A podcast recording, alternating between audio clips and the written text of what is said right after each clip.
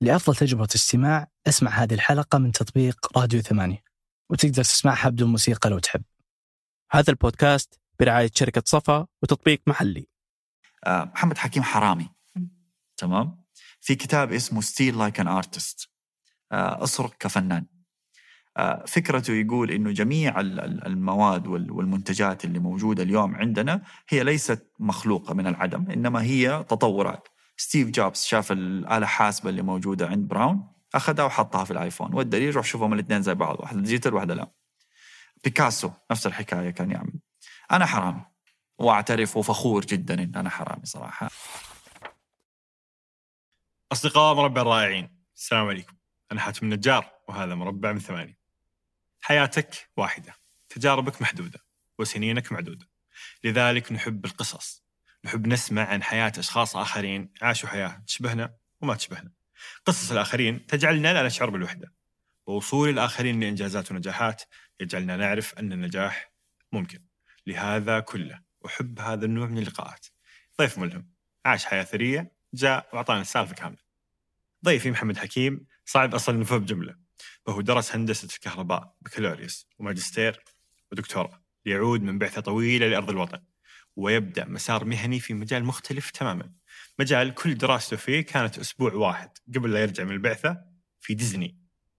بسبب هذا المجال الغريب تدرج في الوظائف حتى جلس مع الوزراء والأمراء وساهم في تأسيس شركات حكومية ضخمة ومهمة جدا. ثم يترك كل هذا ويبدأ بداية جديدة قبل ثلاثة شهور بس في مجال مختلف وغريب مجال الإبل. محمد حكيم حكى قصته لكن في نفس الوقت عنده نصائح كثيرة جميلة عملية واقعية مفيدة. استمتعت كثير والهمت كثير تعلمت كثير ومتأكد أنكم ستعيشون نفس التجربة. أتمنى أن يعجبكم هذا اللقاء. استمتعوا يا رفاق. يلا نسوي أرهب حلقة فيك يا بودكاست مربع. الله دخول قوي. دخول قوي والله دخول قوي. صح؟ والله منورنا أستاذ أحمد حبيبي. في خواطر هذا. أنت رقم آه، 9 مليار و588 ألف و480 وواحد. اللي يقول لي هذا الموضوع. لو آخذ ريال عن كل واحد يمكن أكون اغلى من جيف بيز بي- بيزوس في هذا الموضوع. interesting. ليش ليش يشبهك باحمد شقيري؟ ال- العقل بشكل عام لا يؤمن بحاجة اسمها عشوائية. والدليل إنك لما تشوف سحابة تقول أوه شكلها زي الأرنب أوه شكلها زي الحصان.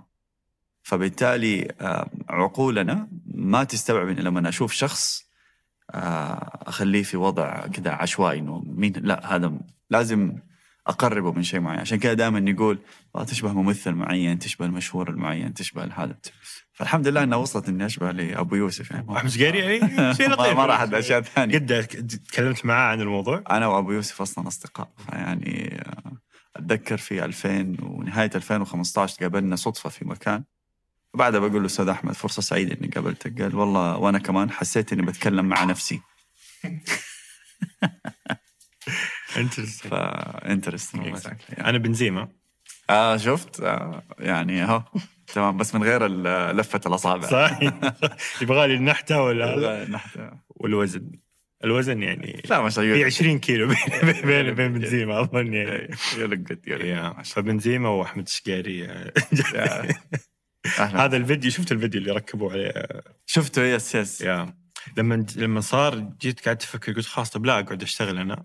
أجيب وجهي أركبه على وجهي. خلاص انتهى الموضوع. كذا و... AI وجهك ونركب على وجهك. خلاص انتهى. قول لل AI شوف تاريخك وتاريخي ونقعد في بيوتنا. يسولفوا مع بعض.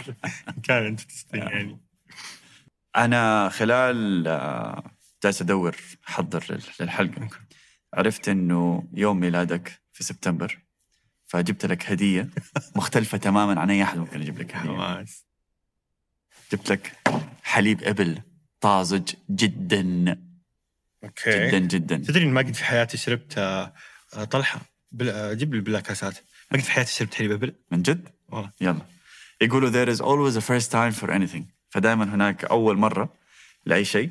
يعني هذه الجملة ما في أحد في التاريخ قالها بالإنجليزي وهو ماسك حليب نياق شايف كيف؟ يلا. بس آه، حماس. تسلم. آه هذا حليب لك وللشباب اللي أنا أعرف. إنه مالح. إيه. وفي اشاعات إنه يسبب عسر هضم. أنا ما حصب لك كثير. أوكي. حليب إبل آه جرب حليب إبل طبعا حتقول ليش محمد بس إيوه ليه؟ معك حليب إبل؟ يعني هذا موضوع الحلقة يعني انت عارف أنا الآن عملي في قطاع الإبل أه. نعم عملك في قطاع الإبل نعم هذا نوق هذا مو نوك بس نوك ترى يسوى التجربة على فكرة okay. ممتاز yes يسوى هذا يعني متى كان في الإبل؟ من المزرعة له يومين بالضبط بسم الله. okay. صح. حليب. حليب. مو مالح. حليب. طازج جدا. توقعته مالح. طازج جدا. هذا اللي طازج جدا. مم. طعمه غريب صراحة شوي. بس والله حليب يعني. طعمه قوي. خلاص الآن لو بطنك لعبت في هذه فرصه لي إن أنا لا مو. لهالدرجه بس آه، ليش محمد حكيم آه، عند النياق؟ آه فرصة. ملك تغيير المسارات. فرصة. آه آه أنا أؤمن بال شوف الفرص في فرصة الصدفة رائد أعمال نفسك تتقابل مع مستثمر معين فجأة وأنت طالع مبنى في المصعد تلاقيه قدامك.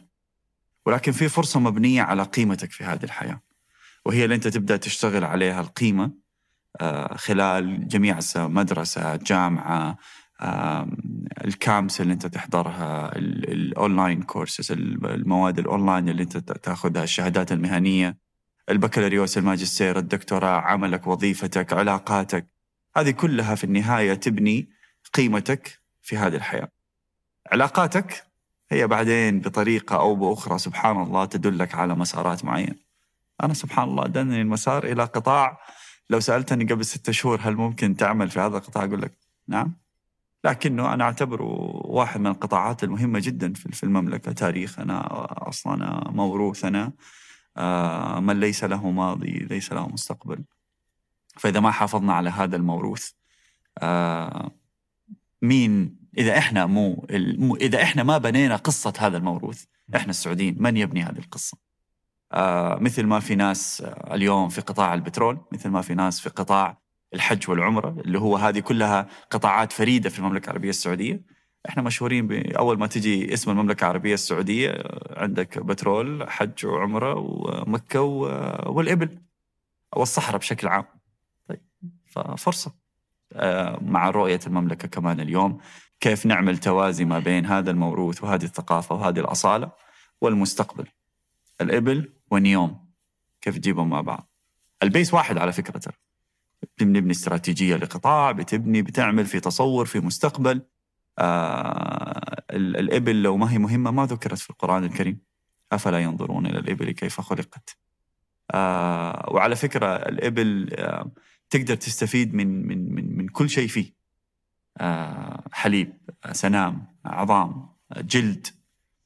آه فسلسلة الإمداد هذه اللي خاصة بالإبل كلها تحتاج اق- اقتصاديات وتحتاج أنك تطالع فيها بمنظور جدا مختلف واليوم الحمد لله عندنا مظلة ال- الرؤية. فكيف نقدر نوظف المستهدفات والقطاع الخاص والقطاع الثالث وتوليد الوظائف وكل الأمور هذه كلها في هذا ال- ال- القطاع. ف آه، أنا عندي جملة كده في بالي دائما أرددها بيني وبين نفسي is الإبل بالنسبة لي أنا is an icon reposition فإحنا بنعمل repositioning لل icon هذه اللي موجودة عندنا. ونتميز فيها. حتعبك بالعربي والإنجليزي؟ أكيد طبعا. ال- الابل آه، يعني كيف هذه الترجمة؟ أيقونة. okay. بنعمل لها تموضع جديد.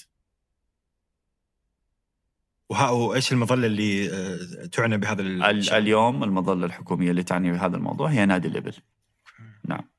أنا أشوف كذا نادي بس ما أدري.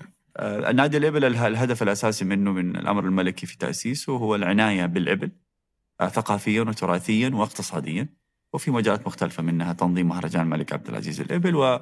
وأمور أخرى أغراض أخرى. واليوم أنت شفت مثلا عندك صندوق الاستثمارات العامة ال PIF عنده شركة خاصة آه، وعنده الآن في brand جديد خاص بحليب الإبل. يعني في في فرصة موجودة في هذا القطاع وقطاعات أخرى كثيرة ترى في المملكة الحمد لله. عجيب. ف يعني هذه قصة الأبل بس آه، نبغى نشوف محمد حكيم كيف وصل إلى إلى هنا يعني. انت درست آه، هندسة كهربائية؟ صحيح.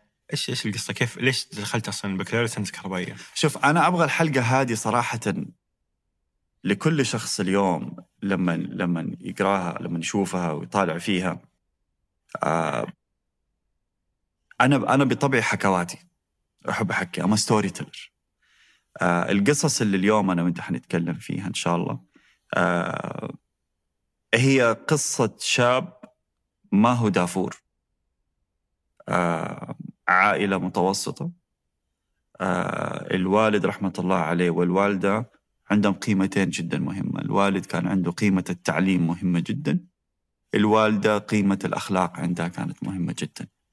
فدمجت وهذه اللي موجود في جميع يمكن أغلب بيوت اليوم في في في السعودية. آه كيف دخلت الهندسة الكهربائية؟ يسالني إيش تخصص والدك؟ حقول لك هندسة كهربائية. ومن هنا نعرف كيف أنا دخلت هندسة كهربائية. الفرصة لما أنا تخرجت من الثانوية معدلي كان تقريبا 95 وشويه. آه بالعنية ترى أنا حقول ال ال ال ال الأشياء هذه عشان لا الناس تقول آه والله 100% لا لا, لا ماني 100% ولا شيء 95 شوية آه وقتها كانت نسبة جيدة. تؤهلك أنك تدخل آه، أهم كليتين في جامعة الملك عبد العزيز في ذلك الوقت اللي هي كلية الطب أو كلية الهندسة.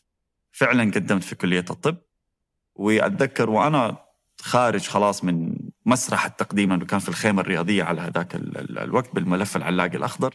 إن كنت تذكره ذيك الأيام. آه الوالد قال لي كان معاي الوالد. أيضا تعرف أحيانا الوالد إلى اليوم مع الولد ولا البنت يروح معاه قال لي خلينا نقدم كمان في في الهندسة. قلت خلاص ما يحتاج مطب قال أخذ هو الأوراق وراح حطها في الهندسة. الله سبحانه وتعالى ما كتب لي إني أتوفق وأتخصص وأنقبل في كلية الطب مع إني اجتزت الاختبار وكان وعملت المقابلة الشخصية لكن يبدو في المقابلة الشخصية ما اجتزتها والحمد لله اليوم أقول الحمد لله إني ما اجتزتها لأنه اليوم أنا ما انفع اكون طبيب. حتقول لي كيف عرفت إن أنت ما تنفع تكون طبيب موضوع إنك تقول لي تعال on call وتعال في الليل وتعال الموضوع العطاء أعشق العطاء. لكن العطاء مو بس في في الطب العطاء في في في تخصصات مختلفة. اليوم أحيانا ترى ممكن أنا لو شفت دم دم قدامي مو أدوخ بس يعني ما ما أحب أشوف دم وأفتح وقفل وأفعل بالأمور هذه كلها. فتخصص الطب اليوم يعني مو اليوم تحديدا بس يعني بعد ما تخرجت وذا استوعبت إنه ما هو التخصص المناسب بالنسبة لي. على ذيك الفترة على ذيك الفترة ما كنت أعرف. آه بعدها انقبلت في في تخصص الهندسة. والهندسة أنواع. آه يعني ما أبغى ما أبغى إحنا حقون الهندسة الكهربائية نتفشخر ولكن أقواها ويمكن أصعبها هو الهندسة الكهربائية. خصوصا إنه كمان الوالد كان في الهندسة الكهربائية فقلنا ابن الوز عوام. فدخلنا في في الهندسة الكهربائية جامعة الملك عبد العزيز. بس هذاك الوقت ما تدري أنت هندسة هب. الله لا أعرف لا هندسة ولا أعرف آه، طب ولا أعرف اقتصاد ولا أعرف إدارة ولا هي خلاص هندسة ركز في الهندسة يلا يا شباب نحاول نجيب أعلى معدل في الهندسة والحمد لله ساقنا الله سبحانه وتعالى إنه بعد أربع خمس سنين تخرجت بمعدل يعني جيد اللي هو ما كان خمسة أيضا إحنا المعدل من خمسة كان 4.4 آه شغلة. آه والحمد لله يعني. ولو عاد بي الزمان تقول لي هل بتعيد نفس هذا أقول لك رجعني هذاك الزمان بس أعطيني عقلية اليوم.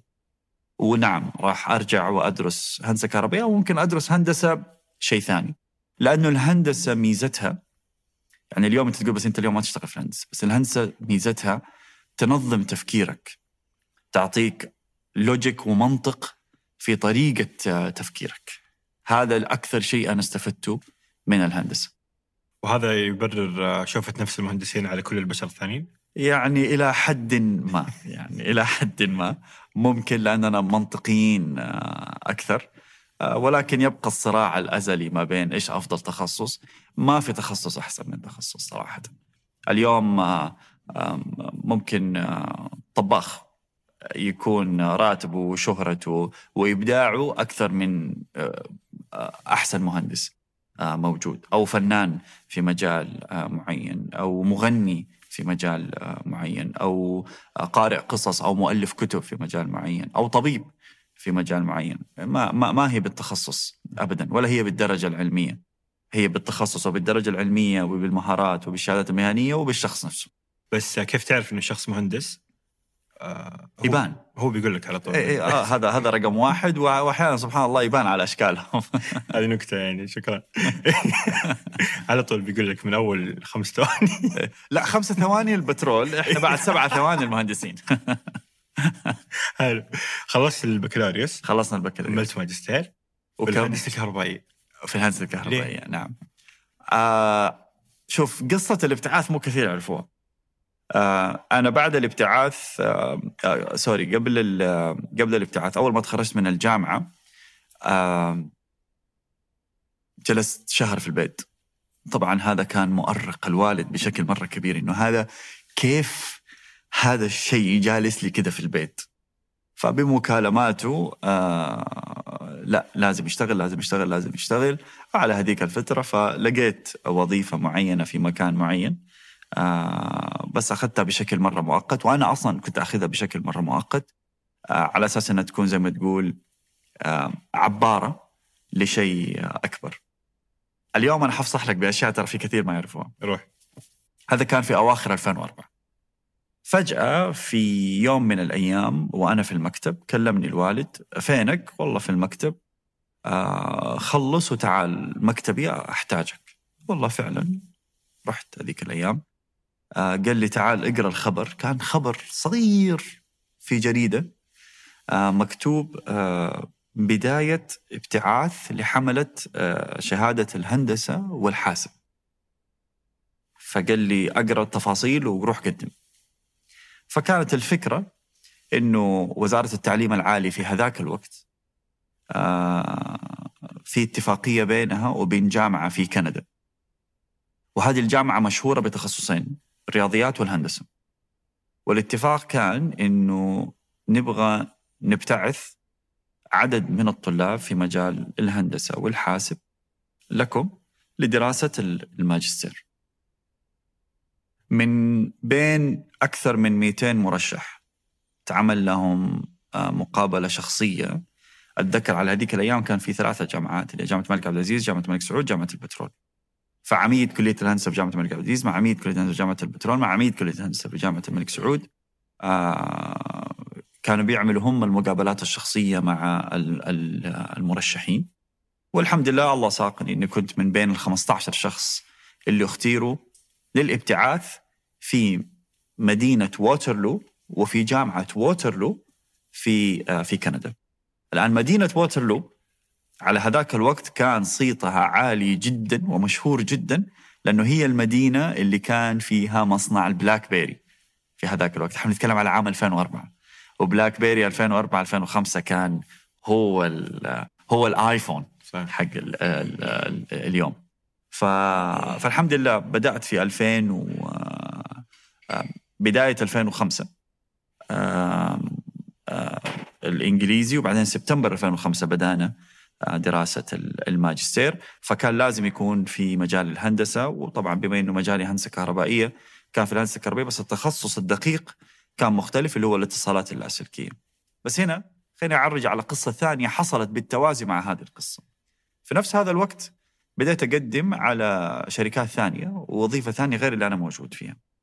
وواحدة من هذه الشركات كانت شركة عملاقة جدا هي أحد الأمنيات للشباب السعوديين المتوظف فيها اللي هي سابك. وعملت المقابلة الشخصية الأولى عملت المقابلة الشخصية الثانية عملت المقابلة الشخصية الثالثة والحمد لله انقبلت آه، في الوظيفة. وأتذكر إلى اليوم تعرف في محطات كذا في حياة الإنسان ما ينساها يتذكرها. فأتذكر مكالمتي مع السوبرفايزر. كيفك محمد؟ إيش أخبارك؟ إن شاء الله طيب.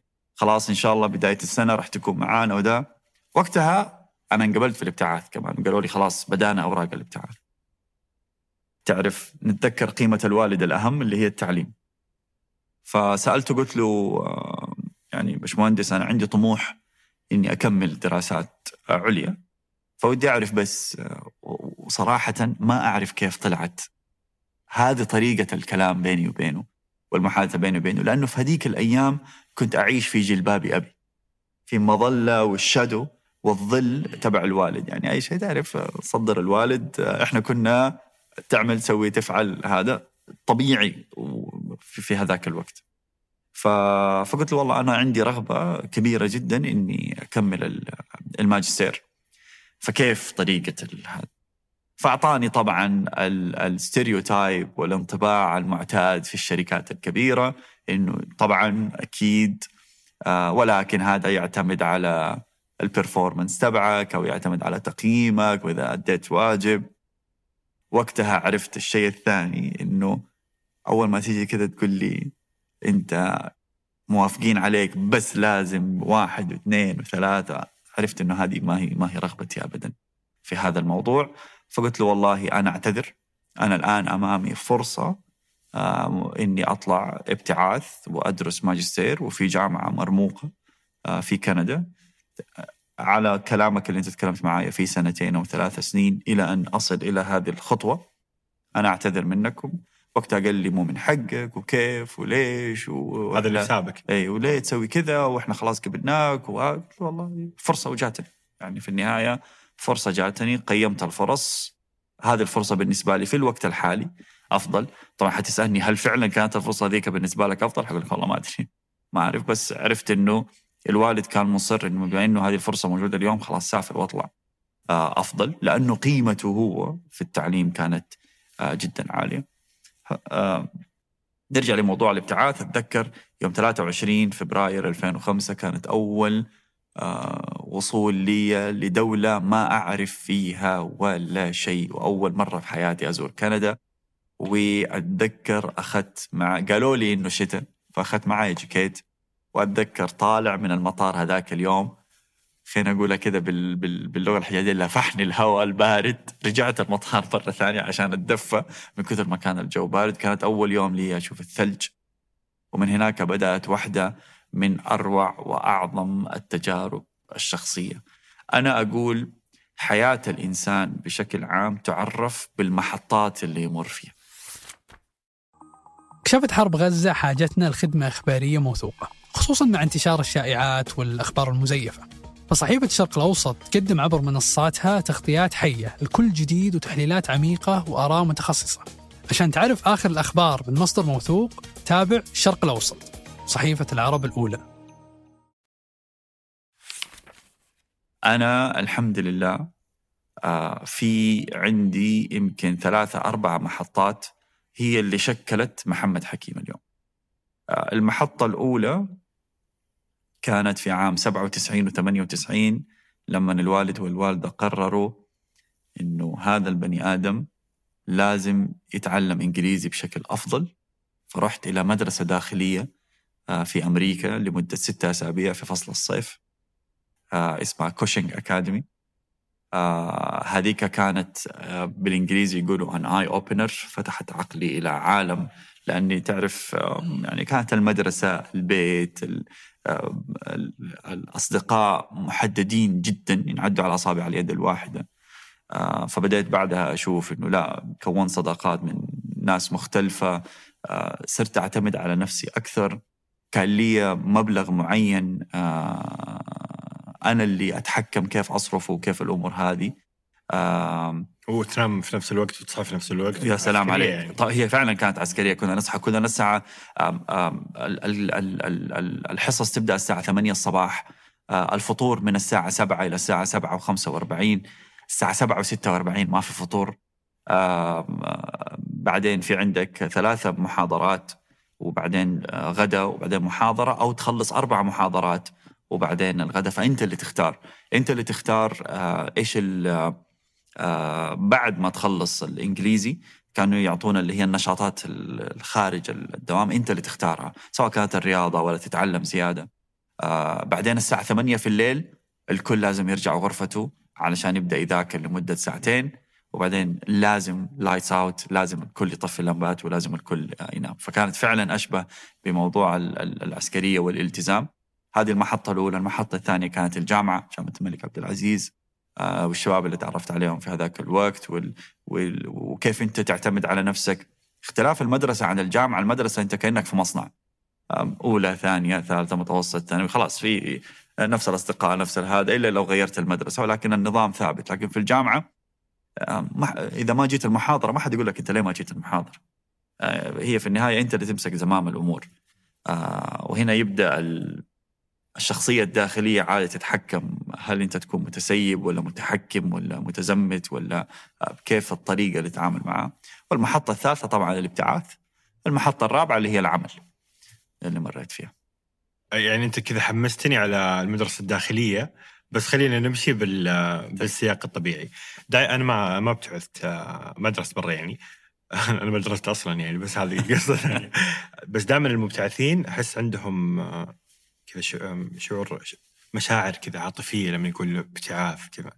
إيش سر هذا العاطفة للابتعاث عند المبتعثين؟ لأنه في اكتشاف شخصية لأنه تخيل أنت اليوم اللي تترك فيه السعودية وتجلس على كرسي الطيارة وأنت رايح لمكان ما أنت عارف إيش حيصير آه هذا وأنا أبتعث لدولة بالإنجليزي ها لسه في ناس ابتعثوا لدولة بالفرنسي في ناس ابتعثوا لدولة بالصيني في ناس ابتعثوا لدولة بالكوري وقيس أو بالألماني أو غيره. آه، فأنا لغتي الإنجليزية في هذاك الوقت كانت مم- ممتازة بحكم المدرسة الداخلية بحكم شايف الحين الترابط الناس حتبدا تفهم آه، بحكم آه، أيضا الجامعة دراستنا كانت أغلبها بالإنجليزي. آه، إلى إنه درسنا ستة شهور الإنجليزي الأولى بس علشان تعرف موضوع ال IELTS ولا ال TOEFL ولا لازم في minimum أو حد أدنى من عشان تدخل ال- الجامعة. فاليوم المبتعث بيطلع على مجهول. آه، ما هو عارف كيف يدبر نفسه. ما هو متعود دائما إنه في أحد يخلص له أموره. خصوصا البنات في ذاك الوقت كمان. يعني ال- اليوم آه، مع التغيير ال- العظيم اللي بيصير في في ال- في المملكة اليوم أنت بجوالك كل شيء ممكن تنهيه. لكن على هذاك الوقت كان لازم أنت بنفسك تنزل كان لازم أنت تعمل كان لازم وهذه ال- ال- ال- ال- الأمور كلها. لكن تخيل أنت من أول ما تكون في الطيارة من السعودية إلى أمريكا إلى كندا إلى بريطانيا أو غيرها من يوم ما يعطوك الورقة لما تقرب من الدولة هذيك اللي أنت تعبيها واللي أنت ما أنت فاهم أصلا إيش تعبي. تمام؟ وانت لازم تعبيها بشكل مرة كويس ولا أول ما حتوصل هناك موظف ال- ال- الجوازات حيمسكك يقول لك والله أنت اللي كاتب. آه لو خصوصا لو أنت جايب معك لحم وتونة وحليب وجبنة كاسات ولا طحينية اندومي ولا؟ والاندومي والأمور هذه كلها. ف فالمبتعثين دائما بالنسبة لهم حياة الابتعاث حتى حتى الناس اللي درست خارج مدنهم. يعني مثلا اللي كان في جدة ودرس في البترول أو اللي كان في الرياض ودرس في البترول أو درس في جدة أو اللي راح لل أو العسكريين اللي راحوا للشمال والجنوب أو غيرهم دائما لما تذكرهم بهذيك الفترة يحنوا لها لأنه فيها صار اتصال بينهم وبين شخصيتهم ومنها اتولدت شخصيتهم الجديدة. آه الابتعاث هو ولادة لشخصية جديدة. آه تعلمك الصبر. تعلمك المرونة. اليوم جيب لي مبتعث. مثلا خلينا نقول مبتعث انتهى ابتعاثه ورجع جدة تبوك الرياض الباحة أي مكان. وفجأة قلت له والله تحتاج جاتك عرض وظيفي في نيوم على سبيل المثال. هاي امسك الشنطة وامشي.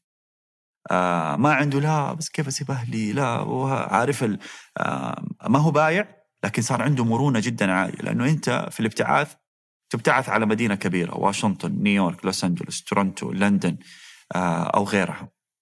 لكن قبول الجامعة نفسه مو شرط يكون في هذه المدن الكبيرة. ممكن يكون والله في هاليفاكس في كندا ممكن يكون في آه أورلاندو فلوريدا ولا في تكساس آه في أمريكا. فبالتالي إيش حسب لم شنطك وتنتقل إلى إلى لقمة العيش خلينا نقول على هذاك الوقت اللي هي الدراسة عشان تكمل. غير طبعا إنه أنت مسؤول عن إنك تطلع شريحة جوال، أنت المسؤول عن انك تعمل العقد الخاص بإيجار بيتك، أنت مسؤول إنك تسكن مع عائلة، كيف طريقة التواصل بينك وبين العائلة، العائلة أنت ساكن معاها اليوم فرضا أعزك الله وعز المشاهدين عندهم كلب. طب أنت متعود أصلا على قول آه، عادل إمام أسد أنا أخاف من يقوم يطلع لي أسد ف آه، فأنت ما أنت متعود على هذا الموضوع. آه، بعض الوجبات محرمة علينا أكلها دينيا في هذه ال- ال- الدول فكيف تبدأ تطلب؟ أنت أصلا رايح لمكان لغته ما تعرف طريقه التواصل اللي بينك وبين الناس عشان كذا الابتعاث فيه فعلا ترى يعني تجارب تثقل ال ال ال الإنسان. حتى اخلاقيا أتصور إنه في ثقل كبير على الجانب الأخلاقي لما أنت تكون في بلد محافظ وبين أسرتك وحيك وناسك وأهلك وكذا. بعدين فجأة تكون في بلد غير محافظ كل شيء فيه مفتوح مع ولا حد يعرفك هناك. وأقرب الأقربين لك يمكن بيعمل سلوكيات غريبة أنت ما أنت متعود عليها.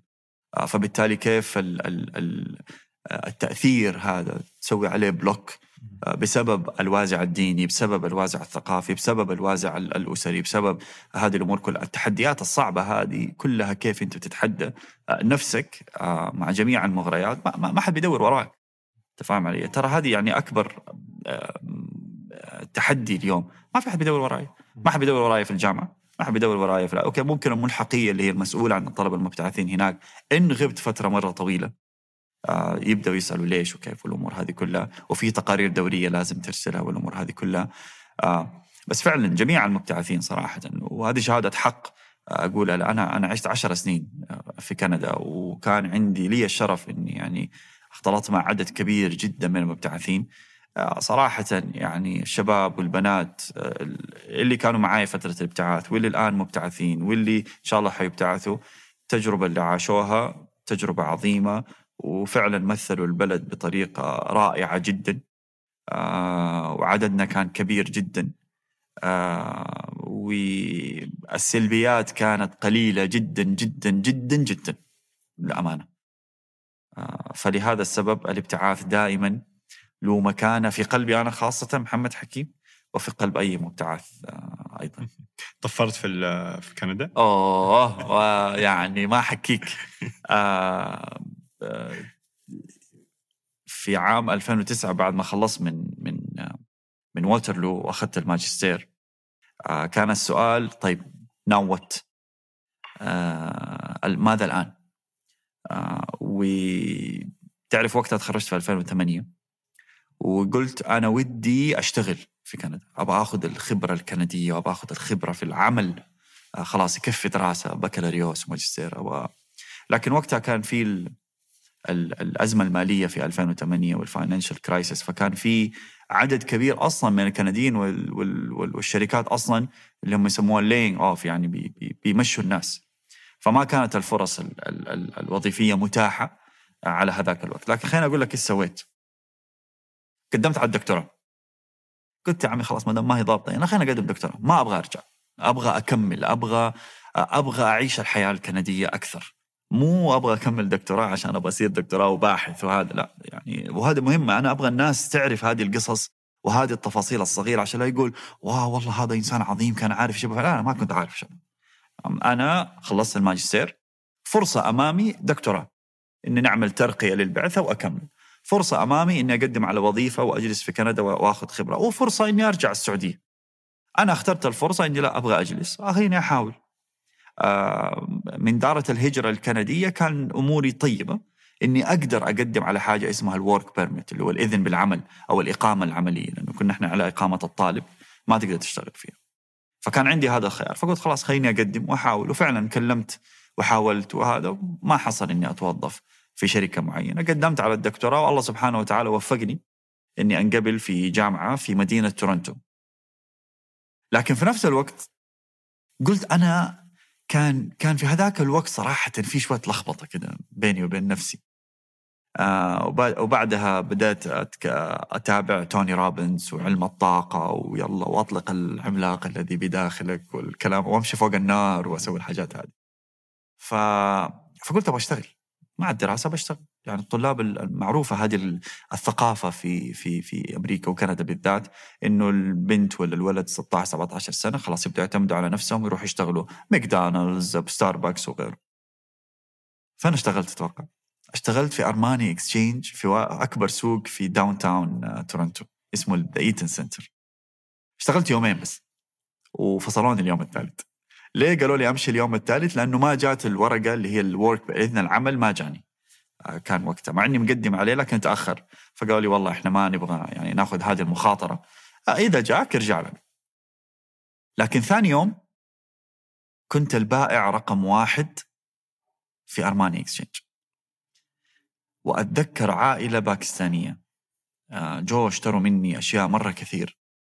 وقتها الأب جاني وتكلم معايا بشكل خاص. تعرف أحيانا زينا هنا بائع سعودي يقوم الأب ولا الأم تتكلم معاه بشكل شخصي كذا. فسألني أنت من فين؟ قلت له من السعودية. قال لي سعودي وتشتغل في الايدن سنتر قلت والله أنا طالب. صراحة شغلي ما هو للفلوس بشكل أولي أيوة أبغى فلوس صراحة. لأنه تعرف أنت لما تشتغل لك الراتب ولك يعني من المبيعات لك نسبة. فقلت له لكن كمان أبغى يعني الفلوس وأبغى كمان يعني شوية أتعود ويعني أجرب شيء جديد. أبغى أبغى أجرب شيء جديد. قال لي شوف يا ابني. قال لي أنا شايفك إحنا جلسنا طولنا في المحل وده وأنت كنت بتشتغل معنا. قال لي هذه الشغلة ما هي لك إنك تبيع. أنت شغلك إنه أنت تمتلك المكان. الله. ف... فتق... فحتقول لي والله أخذت هذا الكلام وألهمت وجلست وبعدين بعدها فتحت. لا والله ما سويت ولا شيء. لكن آه... بعدين هذه القصة صرت لما أطالع وأشوف هذا ال- ال- الشخص هذاك يعني شاف شيء أنا ما كنت شايفه في هذاك الوقت اليوم أنا شايفه. إنه أنا في عندي مهارة الإكسبيرينس. أنا أعشق التجربة وأعشق إني أعيشك في تجربة مختلفة. عشان كذا جبت لك حليب إبل. آه، أبغى أعطيك شيء مختلف. آه، أحب أطالع في هذه التفاصيل. بعدين أقول لك هذه كيف غيرتني لاحقا واكتشفتها أكثر لاحقا. المهم خلصنا من اليومين اللي في Armani Exchange جاتني ال work permit أو إذن العمل وما رجعت لهم مرة ثانية. طلعت الدكتوراه يعني أصعب من ان الواحد يروح يدور على على عمل. آه، في الدكتوراه أمانة في الدكتوراه. آه، طبعا نظام الدكتوراه هو كالآتي. تخلص مواد بعدين في عندنا الاختبار الأول أو اختبار التأهيلي اللي يحولك من student إلى شيء اسمه PhD candidate من طالب إلى مقدم دكتوراه خلينا نقول أو خلينا نقول موظف دكتوراه على سبيل المثال.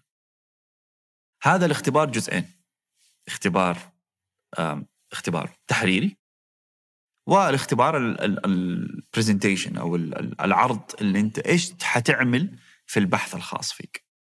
أنا وبكل فخر وأقولها اليوم وبعد من هذاك الوقت يمكن أكثر من عشر سنين والحمد لله قد أسجل إني رسبت في كل شيء في هذول الاختبارين رسبت في الاختبار التحريري رسوب مع مرتبة الشرف ورسبت أيضا في ال- ال- العرض الخاص بال- بال- بالبحث ليه؟ حتقول لي ليه رسبت؟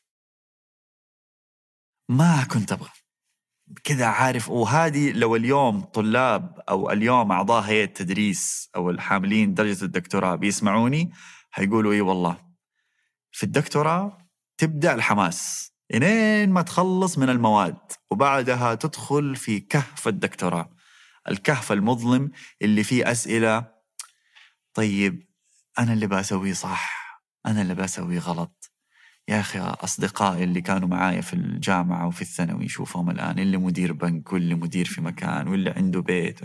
لسه طالب وأنا إيش قاعد أسوي في نفسي؟ وأنا أنا دخلت نفسي في إيه؟ هو في إيه؟ وبعمل إيه؟ والدنيا إيه؟ والأمور هذه. ف...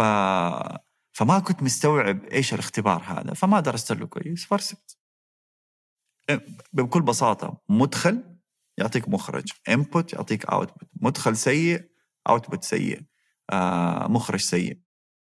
هذا هذا هذا اللي حصل لي. نرجع للطفرة. على هذاك الوقت أيضا أموري المالية ما كنت أعرف أتحكم فيها كان يجيني راتب من من الملحقية. وأيضا أحيانا كنت أرجع دائما إلى القوة ال- المالية اللي عندي اللي هو الوالد والوالدة والاعتماد اللي هو والله إذا احتجت أي شيء في دائما في سبورت ودائما في مساندة. طبعا صرفياتنا يمين في شمال والراتب ما يكفي والأمور هذه كلها. فأتذكر في فترة من الفترات صحيت من النوم ما عندي فلوس حساب صفر آه بطاقة الائتمان الكريدت كارد على الحد الأعلى. فطبعا أستعين بصديق الوالد. ألو السلام عليكم. وكيفك إيش أخبارك طيب لا يحتاج ألف دولار. قال أنت ما تتصل علي إلا لما تبغى فلوس أنت ما أدري تدبر نفسك تركرك السماعه الجماليات المعمارية مهمة بس جودة البناء أهم وحداثة التصاميم مهمة لكن الخدمات والمرافق أهم. المهم والأهم مضمون. تملك المستقبل مع وحدات شركة صفاء للاستثمار. أعرف أكثر من الرابط في وصف الحلقة. لو قلت لك أن 48 ألف متجر سعودي قرروا يجتمعون في تطبيق واحد يعرض لك أكثر من 7 مليون منتج. هل بتكون مهتم؟ هذا اللي صار في تطبيق محلي من شركة سلة التطبيق اللي يجمع كل متاجر سلة مع منتجاتها في مكان واحد. حمل تطبيق محلي من الرابط في وصف الحلقة. أنا المرات الماضية كنت أطلب بس في عندي المرة دي أنا من جد أحتاج. فطبعا أول ما الوالد على طول هذا رحت تكلم مين؟ تكلم ال- ال- الجانب القلب الحنون. ال- ال- القلب الحنون. ألو يا القلب الحنون السلام عليكم وعليكم السلام. ترى والله أنا من جد محتاج وما عندي والله قالت لي أنسى. طب يا جماعة الخير 800 دولار مو لازم 1000 طب 500 طب 200 طب يعطيني هي قرض وارجع له هي زيادة. طب أي حاجة في أي محتاجة. ابدا أنسى. أصلا يقول كيف طالب عنده سيارة؟ طب الجامعة بعيد ياخذ يركب المترو. آه هنا وقتها سبحان الله كنت ناقل دوبي من هذه المدينة لمدينة جديدة فأغلب أشيائي كانت في في الكراتين والبوكسز. فطلعت كده حولي. فعليا ترى ما عندي فلوس يعني مو مو إنه والله عندي 20 80 دولار ما عندي فلوس ما, ما عندي تماما صفر.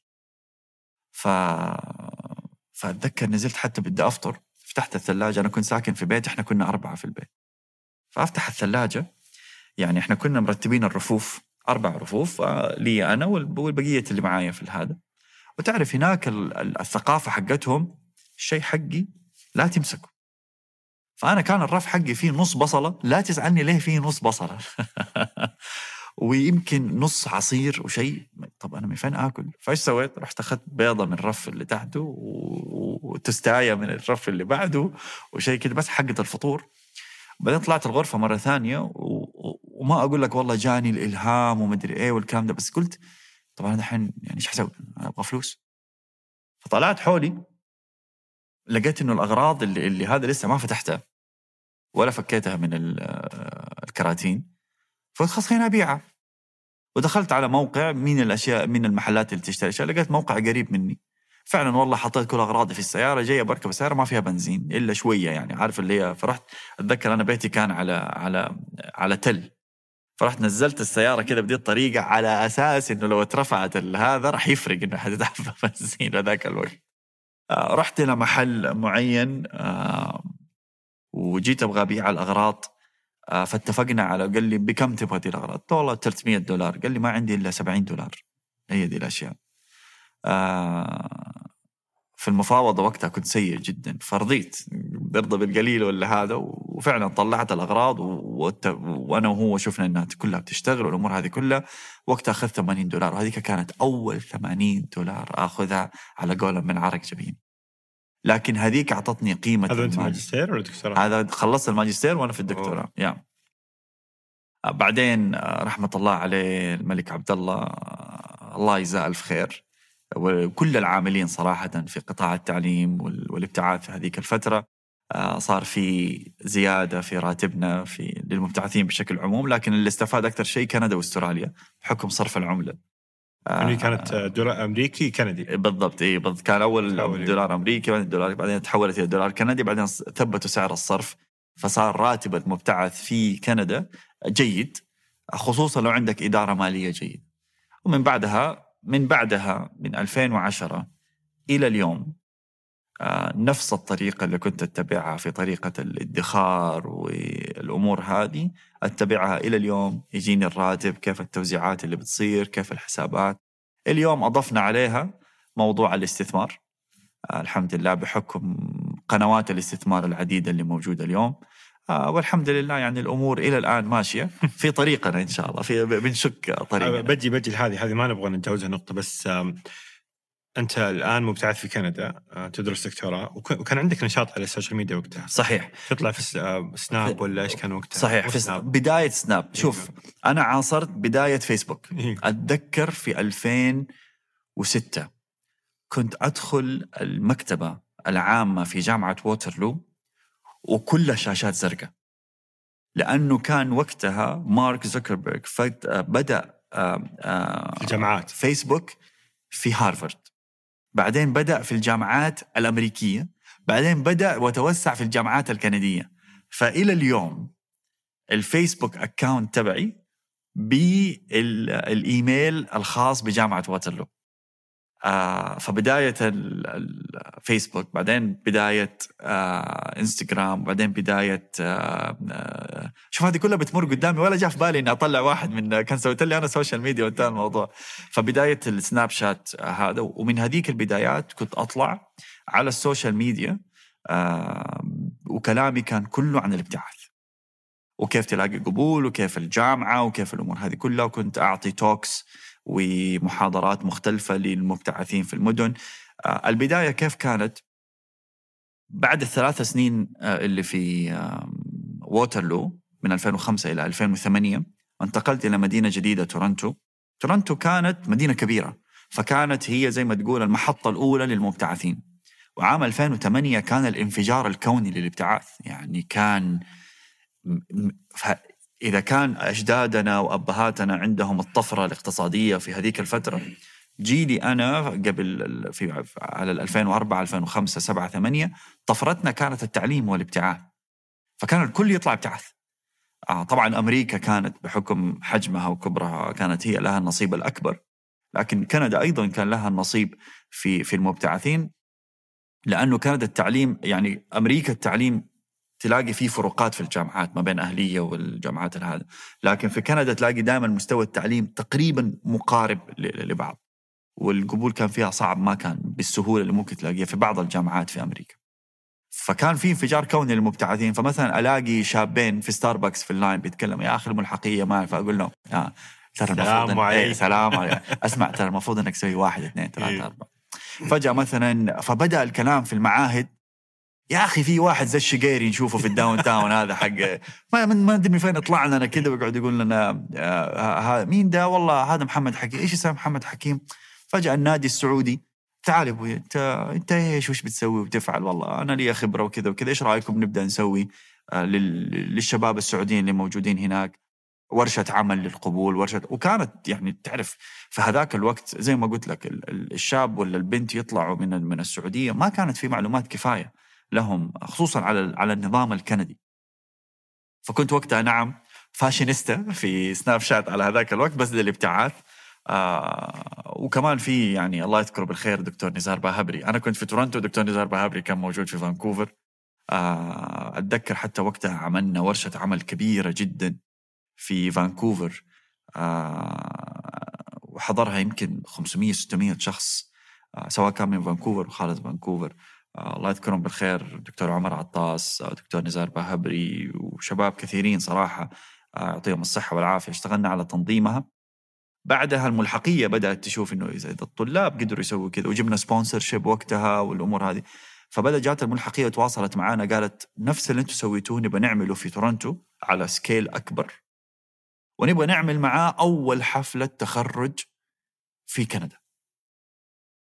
آه تعرف يعني على موضوع التجربة يعني شوف أنا قاعد أضرب angle يعني إن شاء الله المتابع يقدر يوصل الحلقة. على موضوع التجربة تواصلنا مع الملحقيه قلنا إذا إحنا حنسوي شيء كبير نبغى مقر الملحقيه اللي موجود في اوتاوا اللي بعد اللي بعيد عن تورنتو بالسيارة ست ساعات يكون في تورنتو.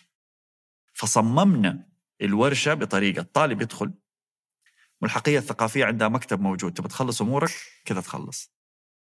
معاهد الإنجليزي موجودة. جامعات موجودة وعندك شباب سعوديين مروا بتجربة في الطب في الهندسة في القانون في اللغة فلا تقدر تستفيد منهم وتتع... وتاخذ من الأخطاء اللي عملوها عشان أنت تتفاداها. كانت game changer لل... للابتعاث وتكررت بعدين في أتوا وتكررت كمان مرة ثانية. فنرجع لموضوع أنا عندي عندي سؤال إنك أنت كنت آه، يعني مشهور بين المبتعثين وعندك نشاط في السوشيال ميديا ومطفر طبعا ما راح أقول فقير لأنه يعني اللي اللي له يعني يعني ما, ما راح تكون فقير في في النهاية عليك عائلة وكذا. أكيد. بس يعني صفر في حسابك فلوس يعني. 2009 صفر. سبتمبر 2000 زي هذا الوقت في عام 2009 صفر؟ ما تحس كان في آه، داخل عقلك انفصال بين شخصيتك ال- المشهورة وال وال والواقع. ما كنت أفكر زي كذا. صراحة ابدا. لا يعني صفر okay يلا okay لقيت هذا الموضوع جاتني 80 دولار. ال 80 دولار مشيت فيها لين نهاية الشهر. جاء الراتب. لما جاء الراتب بعدها خلاص صرت أيوه لا لا لا تعال بقى اقعد. الموضوع هذا بعدين. أتذكر صاحب البيت آه، اسمه إنريكي اللي كنت ساكن فيه. هو كان داخل في موضوع الطاقة ويلا.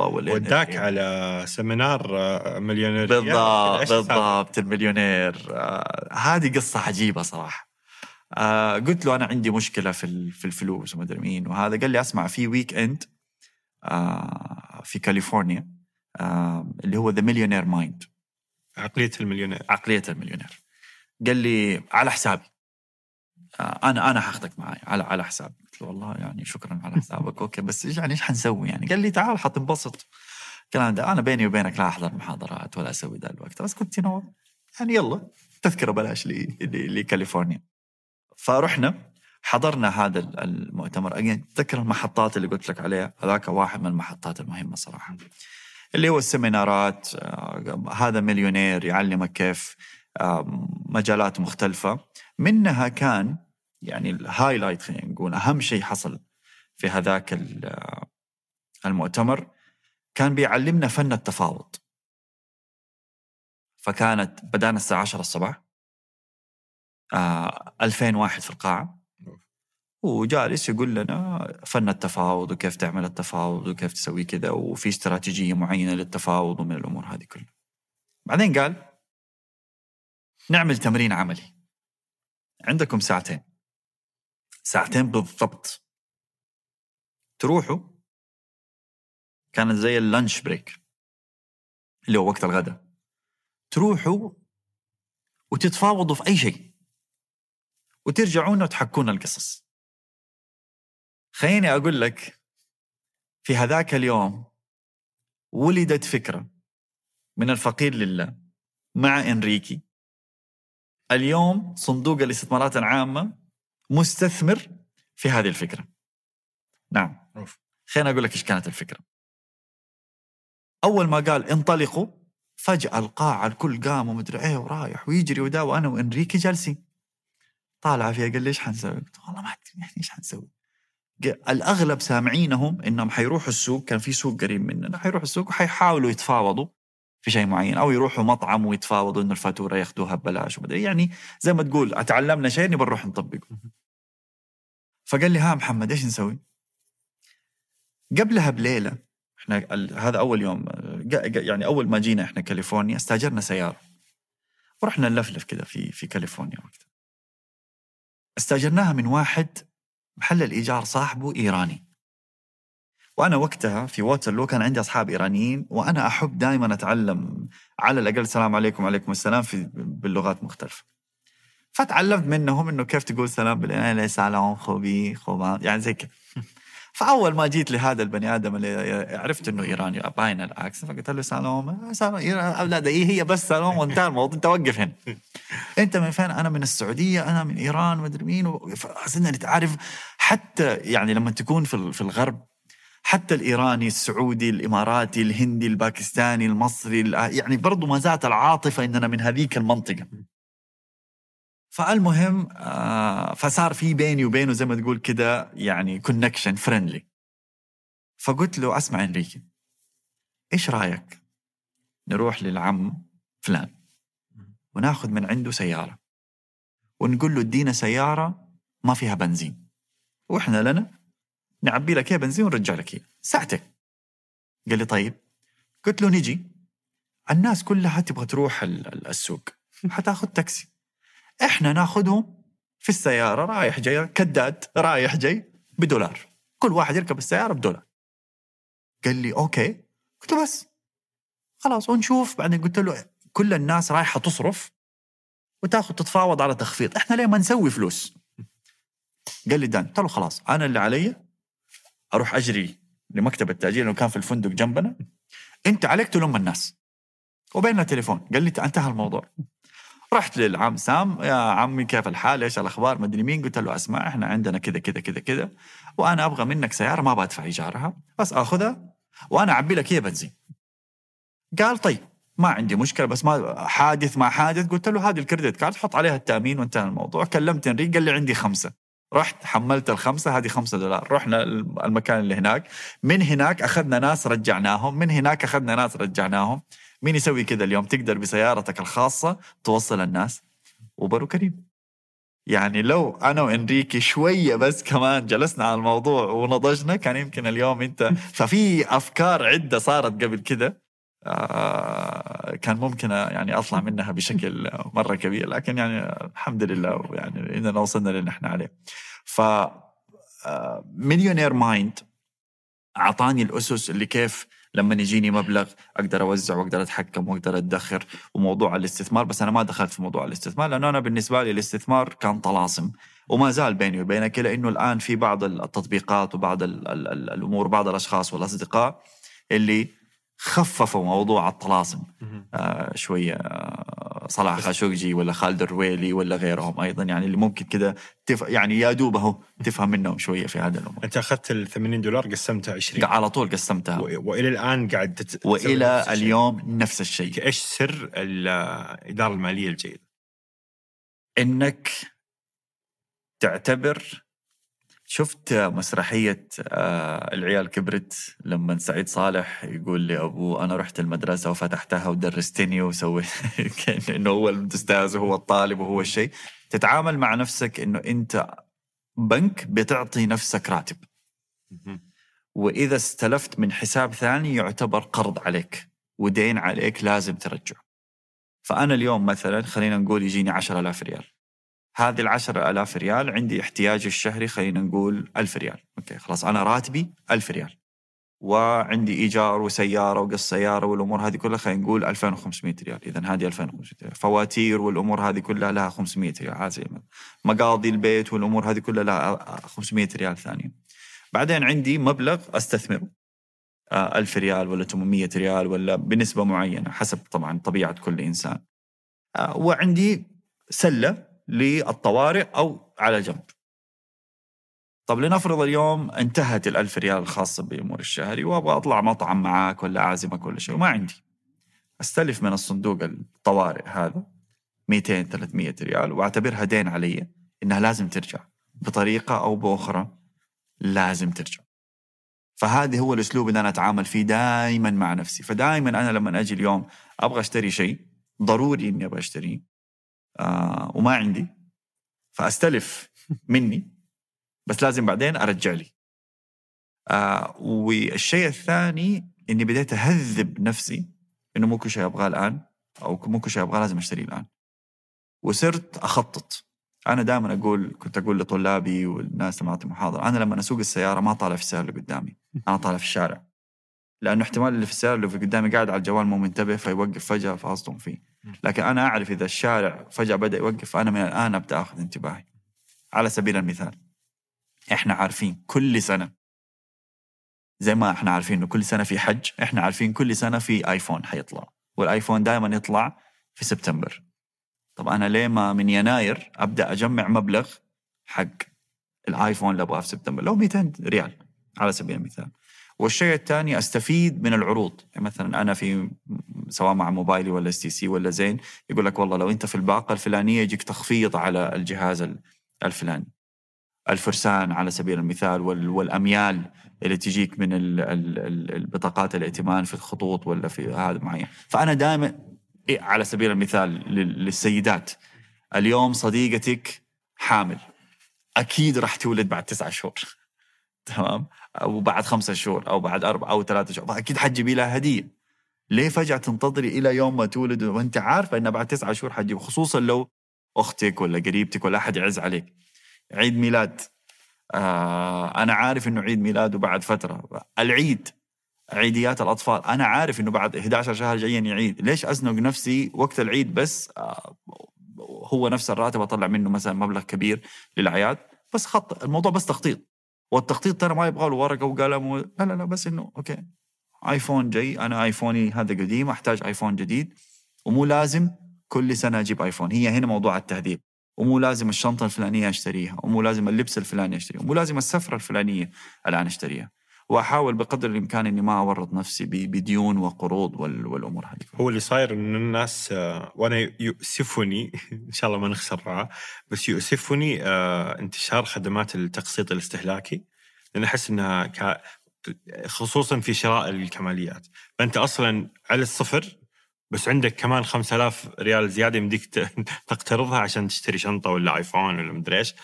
فتقعد في دوامه لا نهائية من القروض التافهة يعني يعني قرض مثلا آه، سكن عقاري مدري إيش أفهمه يعني.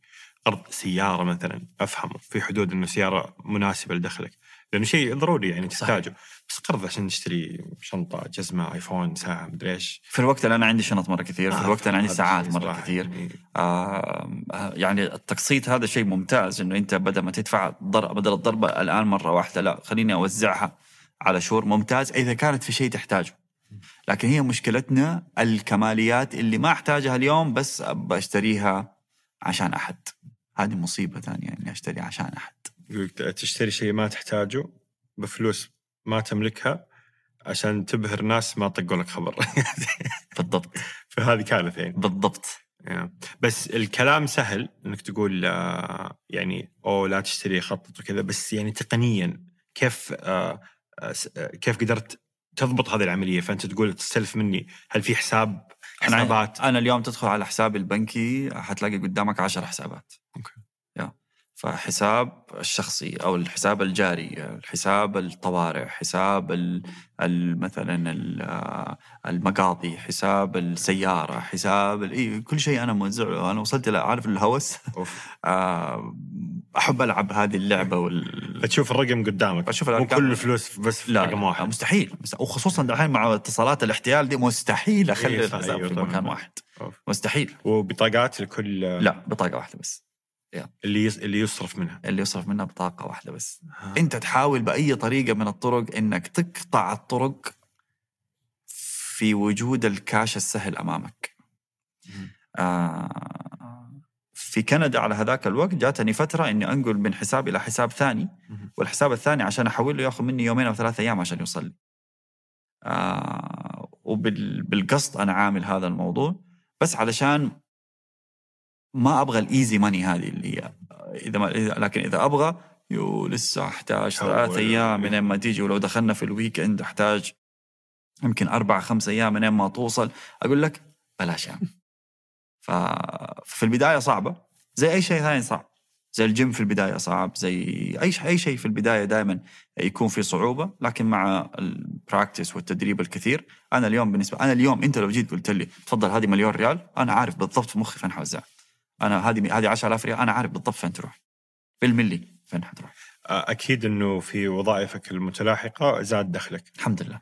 وهنا تيجي المشكلة الأكبر إنه أنت تكون مثلا مثلا راتبك 10000 ومدبرها وعايش مرتاح يصير راتبك مثلا 20000 فيمديك تعيش على ال 10000 بس يصير عندك دخل إضافي تخزنه تدخره تستثمره وتبدأ فيه تسوي اللي تبغاه يعني. بس لا الناس ما تسوي كذا الناس تعيش ب 20000 صحيح. يصير راتبك 50000 صحيح. تروح تعيش ب 50000 فتقعد أنت دائما يخلص يخلص فلوسك نهايه الشهر صحيح.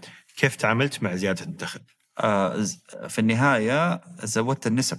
لما أنت في لما يكون القاعدة موجوده لما يكون البيس موجود أي إضافات جديدة خلاص حتصير مرة سهلة. فاليوم نعم اللي زاد حسابي الجاري زاد لكن أيضا الاستثمار زاد. وأيضا المقاضي زادت وأيضا حساب الطوارئ زاد. ففي نسب المعينة زادت مع زيادة الدخل. ما تقول والله آه والله خلاص خلي كل شيء ثابت بس مثلا زود في في الاستثمار. لا كمان بدلع نفسي شوية في هذه الأمور. ومتطلبات الحياة اختلفت وبتختلف دائما آه بنزين بيختلف سعره جوال بيختلف سعره ملابس تختلف سعرها سفريات وغيرها. والاحتياجات العامة برضو أيضا بتختلف. جميل. نرجع للدكتوراه. نرجع للدكتوراه. خلصت الدكتوراه؟ خلصنا الدكتوراه الحمد لله. رجعت السعودية. خلصت الدكتوراه في نهاية 2015 ولكن لما خلصت الدكتوراه سألت أيضا السؤال اللي أنا دائما أسأله نوت. آه متخرج في جون 2015 بشهادة دكتوراه ماذا الآن؟ حرجع للمملكة العربية السعودية. خلينا نكون مرة صريحين مع بعض. ما زلت طالب متخرج دكتوراه. حتقول لي دكتور حتقول لي إيه أنت طالب دكتوراه ومتخرج. وقعت في فخ المقارنات مرة ثانية. أصدقائي إيه لي عشر سنين ما عندي بيت كيف؟ حرجع. للمملكة حبدأ من أول وجديد. نوت. قلت قبل ما أرجع لازم أرجع بشيء ثاني. لازم معايا سلاح ثاني. آه ما أعرف إيش هو هذا السلاح لكن لازم أرجع بشهادة ثانية دبلوم أي شيء لا لازم أرجع بشيء. فبديت قلت بس المرة هذه ما حغلط نفس الغلطة وما حسوي شيء أنا ما أبغاه. ما حأعمل شيء اللي هو الهندسة ما أعمل شيء عشان والدي عمله ما حأعمل شيء عشان فلان عمل ما حأعمل شيء أبغى أشوف أنا أنا شاطر في إيش. فما أعرف أنا شاطر في إيش صراحة فجيت قلت طب أنا إيش أحب أسوي؟ طيب ما أعرف أنا إيش أحب أسوي. أنا أحب أروح الجيم يعني أصير personal trainer ما أبغى أصير personal trainer أنا أحب أجري على هذاك الوقت يعني أقعد أجري ما ما, ما حسوي ذا الشيء. لقيت إني أنا كنت أتطوع مرة كثير في في كندا. وتطوعي كان في النادي السعودي. كان مع الطلبة المبتعثين ورش العمل أحب أعطي محاضرة أحب أعطي. لكن في طريقة وجودي في فريق عمل دائما محمد حكيم في فريق العمل هذا أنا أهتم بالتجربة. أنا أهتم بال product بالمنتج كيف يطلع للناس. طريقة إعلاننا للناس. الانفوجرافيك كيف يطلع. التصميم حق الإعلان. فين اختيارنا للقاعة اللي نبغى نعمل فيها هذا الشيء؟ لازم تكون قريبة من subway علشان الناس تأخذ المترو تطلع إحنا قدام الباب. ولو تبي تجيب سيارتها تكون في مواقف جنب الموضوع. أو تبي تجيب تاكسي يكون سهل عليهم كيف ال ال يوصل. ما يكون طلع الدرج كثير. للاحتياجات الخاصة يكون في ممر خاص. إذا مسوين في الليل event gala وفي ناس مثلا بنات حيلبسوا كعب طريقة طريقة الكعب اللي حيلبسوه ده ما يتعبوا في المشي.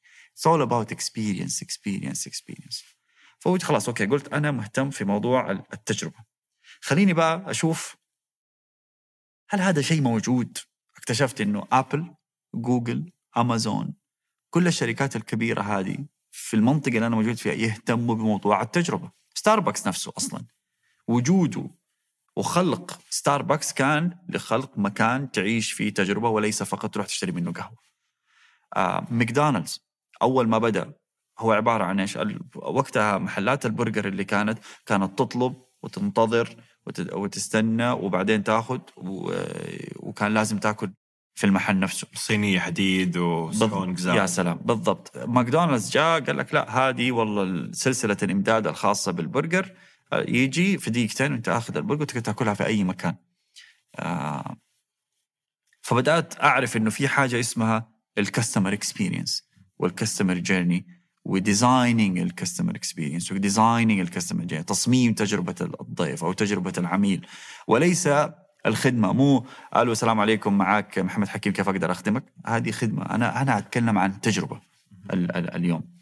فتواصلت أرسلت إيميل لأبل جوجل أمازون والشركات اللي موجودة في السيليكون فالي في هذاك الوقت. إني أبغى أخذ عندكم تدريب لو أسبوع وعلى حسابي. بس أبغى أجي أبغى أرمي نفسي في هذا المكان أشوف وأستوعب إيش اللي بيصير. ولا حد رد علي. مع البحث في جوجل اكتشفت إنه ديزني عندهم شيء اسمه Disney Institute معهد ديزني. ويعطوا كورسات مختلفة. واحد من هذه الكورسز واحدة من هذه المواد يتكلم عن تجربة العميل من منظور ديزني. الآن لا يختلف اثنين. إنه ديزني لو كان عمرك خمس سنين لو كان عمرك 40 سنة يعيشوك على إنك طفل وفعلا تعيش كطفل. ولا يختلف اثنين إنه التجربة في ديزني فيها من يطالعوا في أدق أدق أدق التفاصيل. حجزت المادة وسافرت آخذ كورس أسبوع في تجربة العميل. محطة أخرى وجديدة مختلفة تماما عن اللي أنا متعود عليه. قدرت فيها إني والله أوصل للشيء وشهادة جديدة أنا أحتاجها وأعرف إني راح أستخدمها لما أرجع بإذن المولى عز وجل. خليني بس أحكيك واحدة من أفكار التجارب اللي في ديزني. مواقف السيارات. اليوم لما الناس تتكلم عن التجربة تعتقد إنها فقط داخل قاعة. أو إيش كيف شكل العرض والبرزنتيشن داخل القاعة. ترى تجربة الضيف والعميل تبدأ من أول كيف تبغاه يفكر في منتجك أو في مؤتمرك أو في بودكاستك أو في أي شيء ثاني. آه كيف يوصل للمكان؟ فين يوقف السيارة؟ آه ديزني أكبر مشكلة وتحدي عندهم مواقف سيارات. ليه؟ لأن أنت تروح ديزني الصباح تدخل خلينا نقول ماجيك كينجدم على سبيل المثال، متى تخرج؟ آخر الليل. تخرج تعبان، نعسان، أولادك على اكتافك، نايمين، معصب. آه، توصل لمواقف السيارات، بحر من السيارات، ما أنت عارف أنت فين وقفت. كيف ديزني حل هذه المشكلة؟ وطبعا على ذيك الأيام ما ما ما في ال culture إنك والله تصور المكان ولا جوجل هذا أول شيء سوته ديزني قالت لك أنا ما أبغاك أنت الوحيد اللي تفكر أو تتذكر فين وقفت أبغاك أنت والعائلة فقسموا توزيعة المواقف بال characters حق ديزني فأنت اليوم موقف عند علاء الدين. فولدك الآن حيتذكر إنك موقف عند علاء الدين أو عند سيمبا أو عند كذا. هذا رقم واحد. رقم اثنين لما تركب المقطورة اللي من المواقف السيارات إلى بوابة الدخول للماجيك كينجدم ثلاث مرات وبطريقة غير مباشرة وبطريقة عفوية جدا يعيدوا عليك أنت فين وقفت. فأول ما تركب معاهم المقطورة أهلا وسهلا بكم في ديزني اليوم حيكون يوم خيالي اليوم في عندنا عروض كثير حابين نذكرك ترى أنت وقفت في المكان الفلاني. بعدها خليني كمان أقول لكم إيش راح يصير اليوم، اليوم راح يكون في عندنا آه، مهرجان وفي عندنا البريد في الساعة الفلانية وفي الساعة الفلانية وفي مطاعم، ميكي ماوس حتقدروا تتصوروا معاه في الوقت الفلاني، ولا تنسوا ترى أنتوا وقفتوا في المكان الفلاني. أول ما يوصل عند هذا وصلنا إلى المنطقة اللي نبغى نوصلها خلاص وصلنا عند البوابة تقدروا تمشوا على يمينكم حتلاقوا البوابات من هناك التذاكر على اليمين التذاكر على اليسار انبسطوا وعيشوا يومكم في أحلى مكان في العالم. ولا تنسوا تراكم وقفتوا في المكان الفلاني ثلاثة مرات يعيدوا عليك أنت فين وقفت؟ بنسبة أكثر من 50% صارت الناس ما تضيع سيارات. هذه بس واحدة من التجارب اللي استفدناها لما كنا في ديزني. رجعت السعودية. رجعت بشهادة دكتوراه وبعمل في جامعة حكومية في مدينة جدة. فبدأت عملي في كعضو هيئة تدريس. محمد حكيم في هذاك في هذاك الوقت عنده دكتوراه عنده شهادة مهنية في تجربة العميل يعشق تجربة العميل ويعشق موضوع التصميم ودائما محمد حكيم حرامي. تمام؟ في كتاب اسمه Steal Like an Artist اسرق كفنان.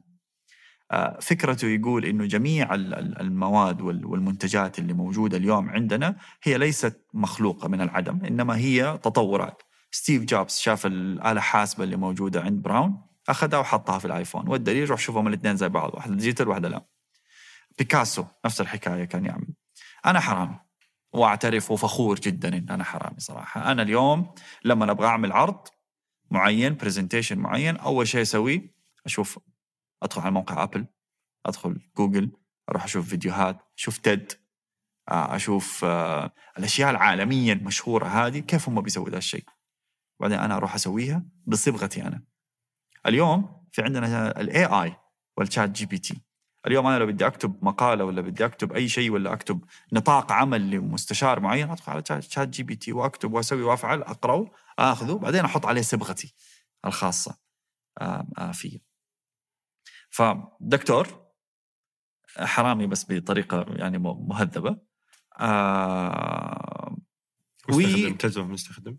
تجربة الضيف وعلاقات اللي اشتغلت عليها دائما آه من وأنا في الابتعاث. آه فأخذت عهد على نفسي إن أنا في الجامعة ما أبغى أكون داخل أسوار الجامعة فقط. أبغى أكون دكتور في الجامعة وأدرس وأسوي الأمور هذه كلها ولكن أبغى أبدأ. اي هسل على قولهم اللي هو أطلع وأشوف إيش في في السوق وأبدأ أشتغل وأبدأ أجري. سببي كان خطأ. سببي كان للمقارنة علشان أوصل علشان أحقق علشان أصير زي. هذا خطأ. فخ المقارنات فخ كبير جدا. ولكن بداية. اليوم لو لو تقول لي حتسويها عشان المقارنة حقول لك لا حسويها عشان نفسي أنا. لكن في هذاك الوقت عملتها ونجحت آه، معايا. ولكن اليوم ودي إنه فعلا الشباب والبنات ما يعملوا موضوع المقارنة لأنها متعبة لأنه ابدا ابدا عمرك ما راح توصل للشخص اللي أمامك. اليوم تقول والله أنا بصير زي محمد حكيم. ظروفي غير ظروفك. أنا كان على ظروفي سهلة الابتعاث okay ما نقدر نقول سهل بس متوفر بشكل مرة كبير. اليوم يمكن أصبح التحدي عالي. وال وال وال وال وال competition عالي وال والمنافسة أصبحت جدا آه عالية. مثل الطفرة اللي كانت في السبعينات آه أيضا. ما هي مثل آه ال- اليوم. لكن بس تلقى الآن في طفرات أخرى. شكرا جزيلا. هذا اللي أنا أبغى أقوله. اليوم في فرص أخرى. اليوم مع الرؤية لا حد يقول لي ما في فرص. مستحيل. أنا وفي مكان عملي إلى اليوم موجود فيه فرص العمل وفرص التطوير وفرص ال- ال- المجال مفتوح في أماكن مو طبيعية.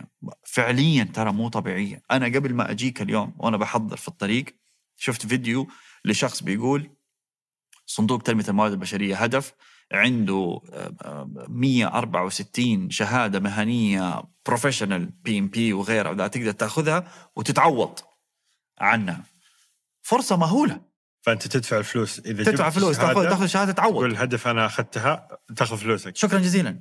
عجيب. ومو ومو شهادة مركز محمد حكيم للتدريب. لا لا. أنت تاخذ من شهادة معتمدة من مركز معتمد. اليوم بعد هذه كيف يوصلها اللي يبغى يوصل بس- سهله جدا عن طريق الموقع الإلكتروني تبعهم. موجود. هذه هذه مشكلة ترى في برامج حكومية كثيرة بس ما ما ندري عنها يعني ما, ما حد يعرف. بس هذه مشكلة مين؟ في النهاية إن كانت مشكلة تبحث. آه يعني. خلاص يعني في النهاية دبر نفسك. Yeah. يعني آه، أنت تبغى الشيء حتعرف كيف تجيبه.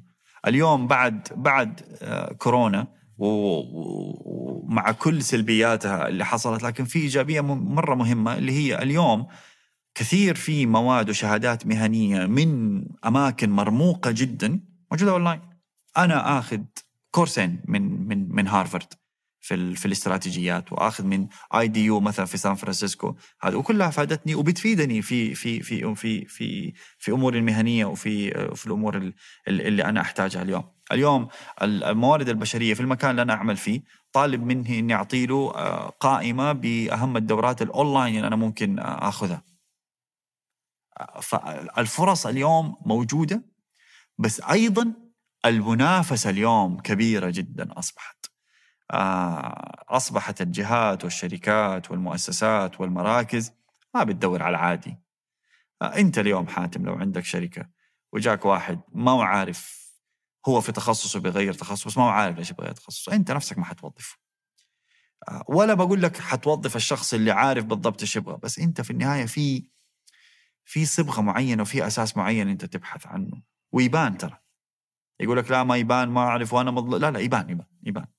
يبان آه، ما هي بعدد ما هي بثمانية صفحات سيرة ذاتية ولا آه، لو أنت تشتغل على نفسك الكلام اللي إحنا قلناه في البداية في كتاب رائع حق مؤسس لينكدين اسمه The Startup of You اللي هو ابدأ بنفسك. فكرة الكتاب كله يقول لك إنه كلنا رواد أعمال. جميع ال ال كل البني آدمين اللي في هذه الحياة هم رواد أعمال. ولكن يختلف رائد الأعمال اللي عنده شركة ولا منظمة بينميها ورائد الأعمال اللي عنده نفسه بينميها. أنا شخصيا ماني انتربرنور أنا موظف أنا موظف نور. تمام؟ طول عمري موظف. ولكن بشتغل على نفسي دائما وابدا وأعرف ناس كثير أحسن مني بيشتغلوا على نفسهم دائما وابدا. وعندك اليوم شركة من الشركات ثمانية على سبيل المثال مربع على سبيل المثال. بدأت ب 600 ريال صح؟ وبكاميرا. و أنا نفسي أسوي بودكاست أنا محمد حكيم نفسي أسوي بودكاست بس لو أنا تخيل لو أنا جيت لثمانية وقلت لهم والله أنا نفسي أسوي بودكاست يقولوا طيب يلا. تمام؟ على عكس اللي بدأ ب 600 ريال وراح اشترى الكاميرا وجلس وما يعرف أصلا كيف يصور. وسوى أول حلقة وطالع فيها وقاعد يضحك. وبعدين راح بحث وشاف مثلا فلان الفلاني كيف يصور وعدل الكاميرا يمين يسار. بعدين أتعلم عن الإضاءة بعدين أتعلم عن الصوت. أنت تخصصك صوتيات وهذا؟ أبيض في هذا الموضوع.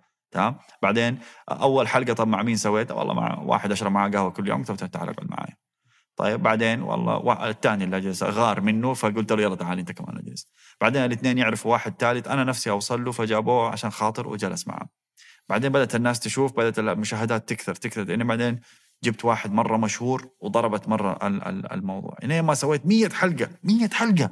تخيل. تخيل سويت 100 حلقة بعدين إنت رحت إلى إلى إلى إلى, إلى ثمانيه إلين ما قالوا okay يلا ناخذك واليوم ما شاء الله تبارك الله ثاني أو يعني أعلى مشاهدة بودكاست في المملكة العربية السعودية. أول شيء مبروك شكرا. على هذا الموضوع. بس هل كنت تعرف؟ هل أنا أعرف تجربة العميل في البداية؟ لا أنا تخصص هندسه كهربائيه ما أعرف ما, ما ما في كورس عندنا تجربة عميل. بس رحت ودورت وبحثت وسويت وفعلت. وما رحت لأي أحد. رحت للأحسن. وأخذت وجربت وغلطت وطحت وقمت وسويت وغلطت وما زلت بغلط. وما زلت إلى اليوم بغلط وما زلت إلى اليوم بتعلم. أنا في هذه الحياة طالب علم. وعلى فكرة الدال هذه اللي موجودة قبل اسمي لا ما لا تضيف قيمة لي أنا. أنا من أضيف قيمة لهذه الدال. آه هذه ترى هذا موضوع مرة مهم لأنه قيمة الصبر في الحياة. وقيمة التواضع في الحياة مهمة جدا. أنا اليوم لازم أتعلم من الصغير قبل الكبير. لأنه اليوم الصغير عندهم معلومات مهولة. زمان كان عندنا آه، عقدة شح المعلومات والوصول إليها. اليوم عندنا إشكالية ترف المعلومات. وكيف أنتقي الشيء الأفضل اللي لي أنا. فلو نبغى نرجع مرة ثانية ال ال ال خلصت الدكتوراه ورجعت وبدأت أدرس وألتزم بموضوع ال- الدكتوراه والتدريس. وفي نفس الوقت بديت أشوف إيش ممكن في خيارات ثانية أقدر آه، أسويها. صديق من الأصدقاء في كان معايا في الابتعاث وكان أيضا دكتور في الجامعة وأيضا يعمل مستشار في أحد الجهات ال- مع بداية الرؤية في 2016 قال لي محمد عندنا مشكلة. قلت له "إيش هي؟" قال لي عندنا ورشة عمل. تعرف بداية التحول الوطني وبداية التغيير وبداية هذا نبغى نجيب فيها الموظفين الجهات بس يعني كذا قال لي إحنا مرة مشغولين إحنا فاضيين نركز في موضوع التجربة في ورشة العمل ومدري ذا ممكن تجي معانا أسبوع. تسوي شغلتين. تصمم الدخلات والخرجات حقت هذا وأنت تصير ال MC حقت ال- مقدم ال- مقدم ال- الفعاليه طيب يلا. قال لي وإذا الأمور مشيت تمام هذا المبلغ. أنا طلعت المبلغ اللي هو مبلغ بسيط يعني. تمزح ولا؟ قال لي يلا. يلا. فين؟ قال لي والله الورشة راح تكون في الرياض. نرجع للمبتعث المرن لما الشنطه وروح الرياض. طيب. بديت.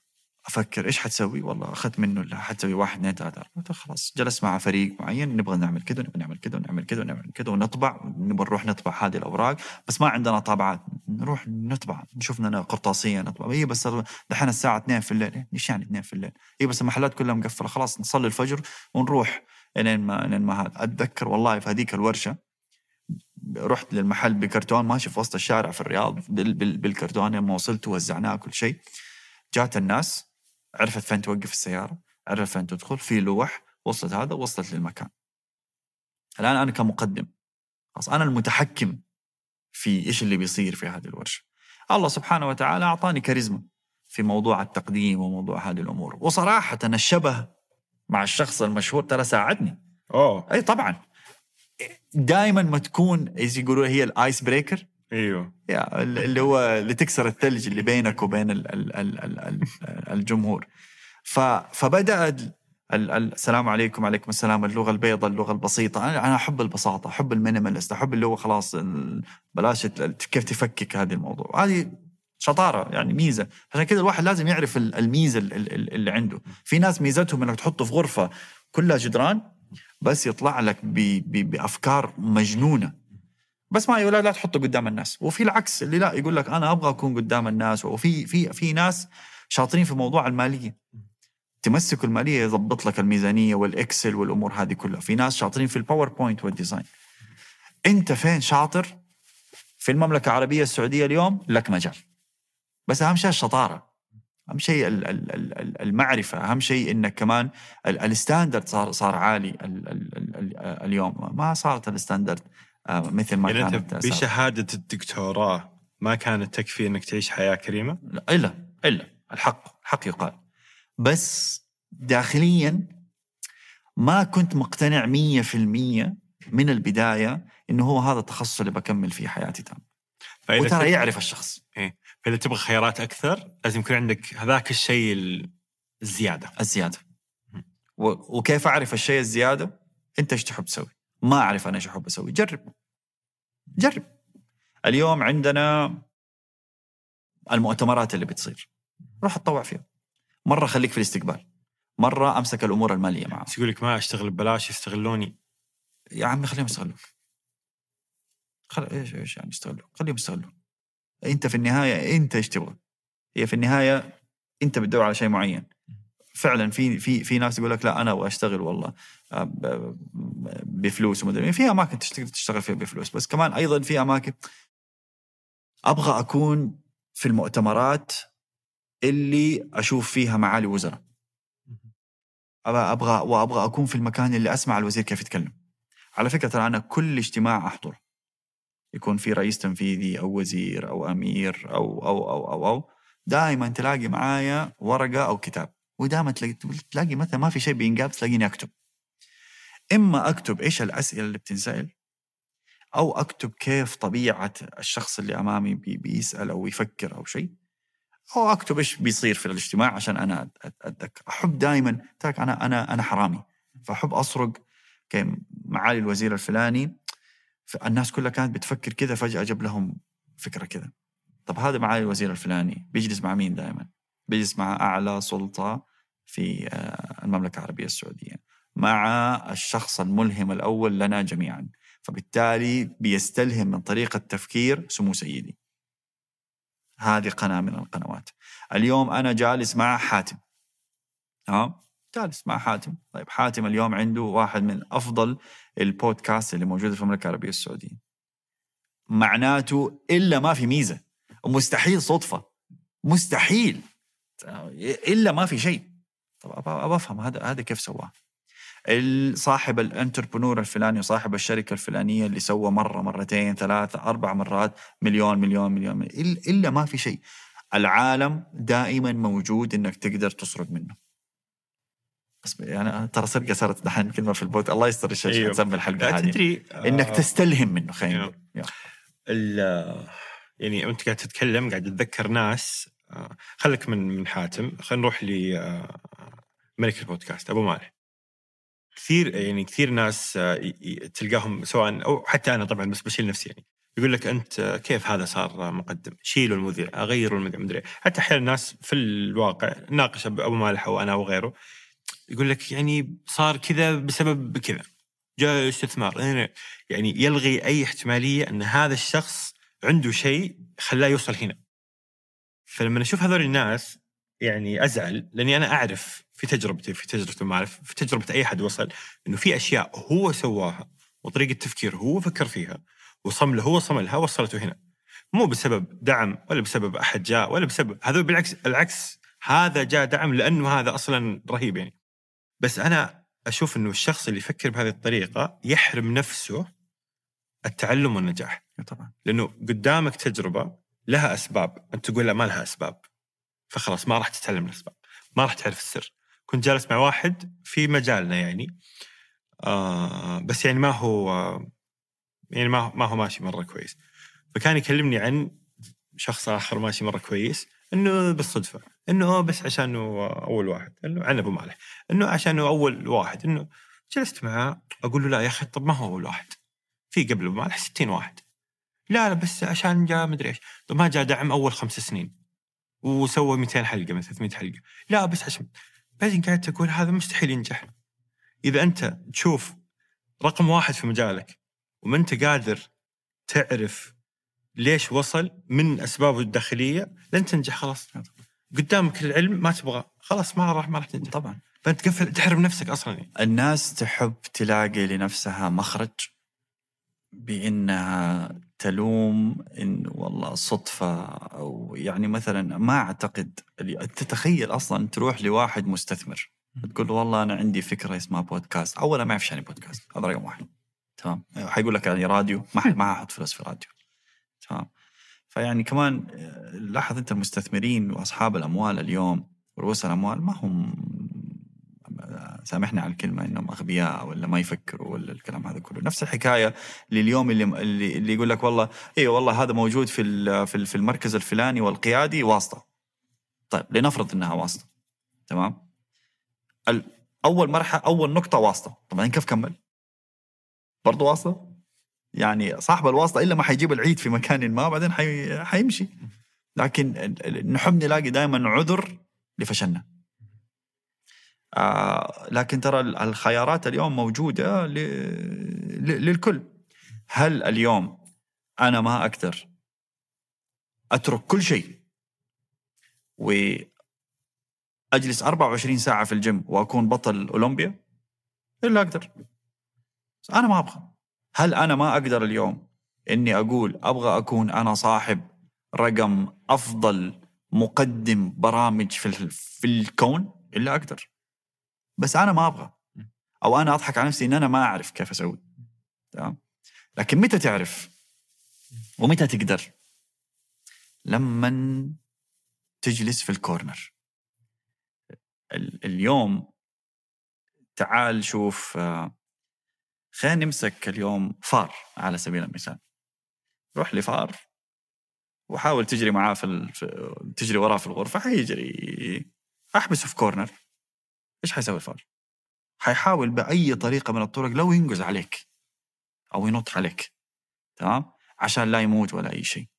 في فيلم حق فايت كلاب تمام؟ لو تتذكروا. آه، متى خداك خلاص؟ لما حط المسدس على راسه تمام؟ لما تعرف إنه أنت ترى لا وقف هنا حيبدأ الإنسان أما في مرحلة الروقان والفخفخة والهذا ما ما حيسوي شيء. لما أجي وأقول لك ترى لو ما نجحت ترى أنت راسب. ليش إحنا ليش إحنا معروف عننا اننا ما نذاكر إلا قبل الاختبار بليله صح لأنه لو ما ذاكرت حرسب.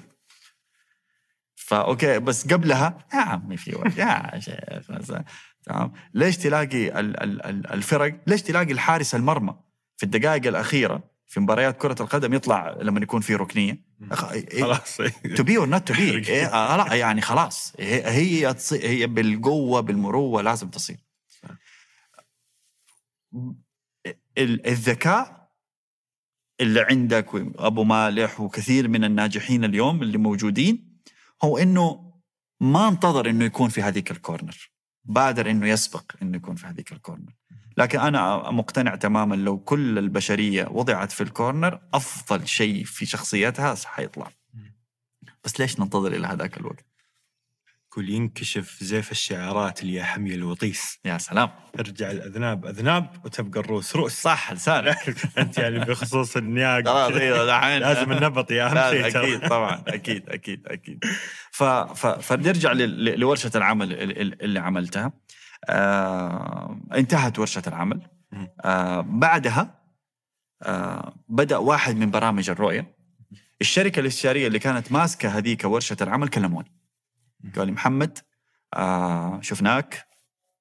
في أشياء نواقص بس في أشياء نحتاجها ولا ملاقينها فيك نبغاك تشتغل معنا في تأسيس هذا البرنامج. وأنا ما زلت دكتور في الجامعة. فكنت أعمل العملين هذه. بعدين قلت أوكي. ولعلمك اشتغلت مع الشركة الاستشاريه دي خمسة شهور. ببلاش. أوف. تمام؟ آه مشاكل عقود ومدري وده. بس في النهاية ما أخذت عن عن الخمسة سنين هذه. خسرت؟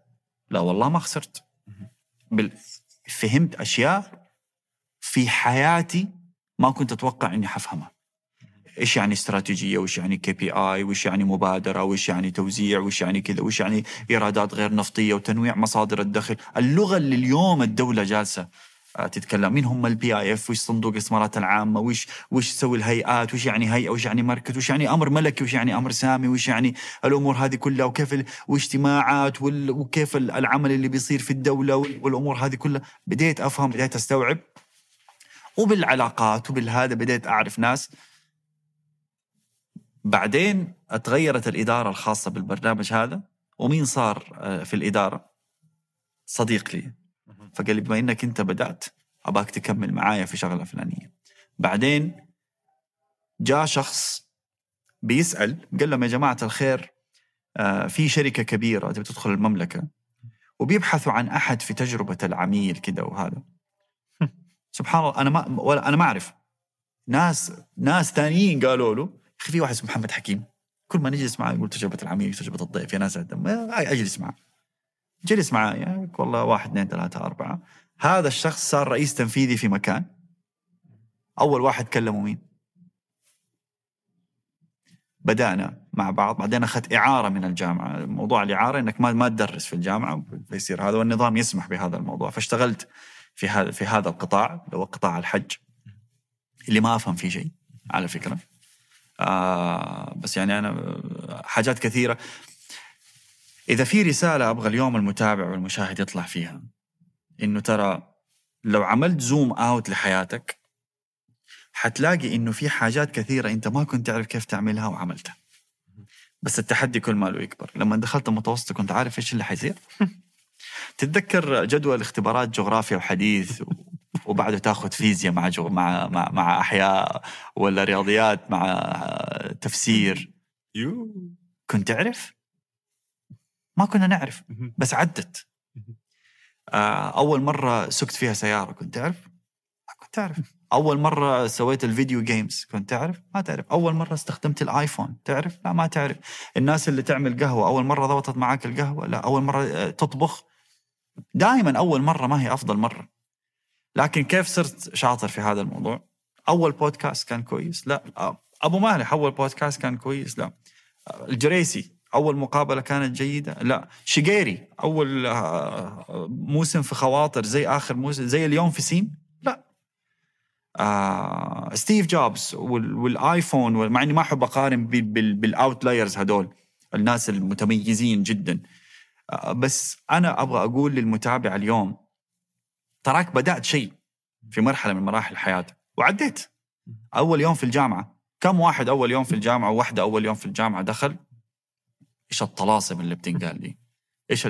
إيش اللي أنا أروح أسوي جدولي بنفسي وأضيف ما؟ إيش يعني شعبة؟ إيش إيش فكرة شعبه دي؟ وين المبنى؟ أيوه إيش الم... مية مبنى. إيه، روح يا إحنا- جماعة. إحنا كنا في جامعة الملك عبد العزيز حيتذكروها ال- ال- الطيبين اللي هذا. مبنى 125 إيش يعني 125 يا جماعة؟ وما كان في جوجل داك وروح يمين خش يسار تجيك مطب والأمور هذه كلها. آم، آم، ال- ال- المقصد اللي أنا أبغى أقوله إنه ترى اليوم لما بتقابل شيء جديد في حياتك تراك أنت قبل كذا ترى مريت بشيء. هذا. بس ترى فداخليا ترى you have انت عندك الموضوع. بس التحدي صار أصعب شوية زي ال video games من مرحلة لمرحلة لمرحلة يصعب شوية الموضوع. زي الدوري. من الدوري المحلي إلى دوري البطولة. إلى مثلا كأس القارة. إلى كأس العالم. بس التحدي يكبر شوية بس هل انت هل إحنا عندنا اليوم؟ اللي بيتابعني اليوم. أنا أقول لك هي مليار في المية عنده. مليار في المية.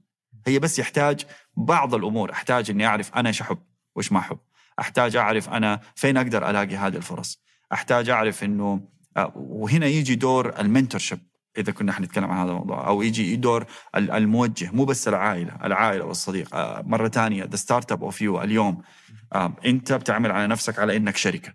طب لو أنا شركة هل الشركة حتحط يدها على غدا وخلاص؟ هل Apple طلعت iPhone واحد وجلست؟ ولا they're always trying دائما بيحاولوا إنهم يطوروا من نفسهم. نفس الشيء تشتغل عليه. أنت شركة اليوم. أنا اليوم شاطر.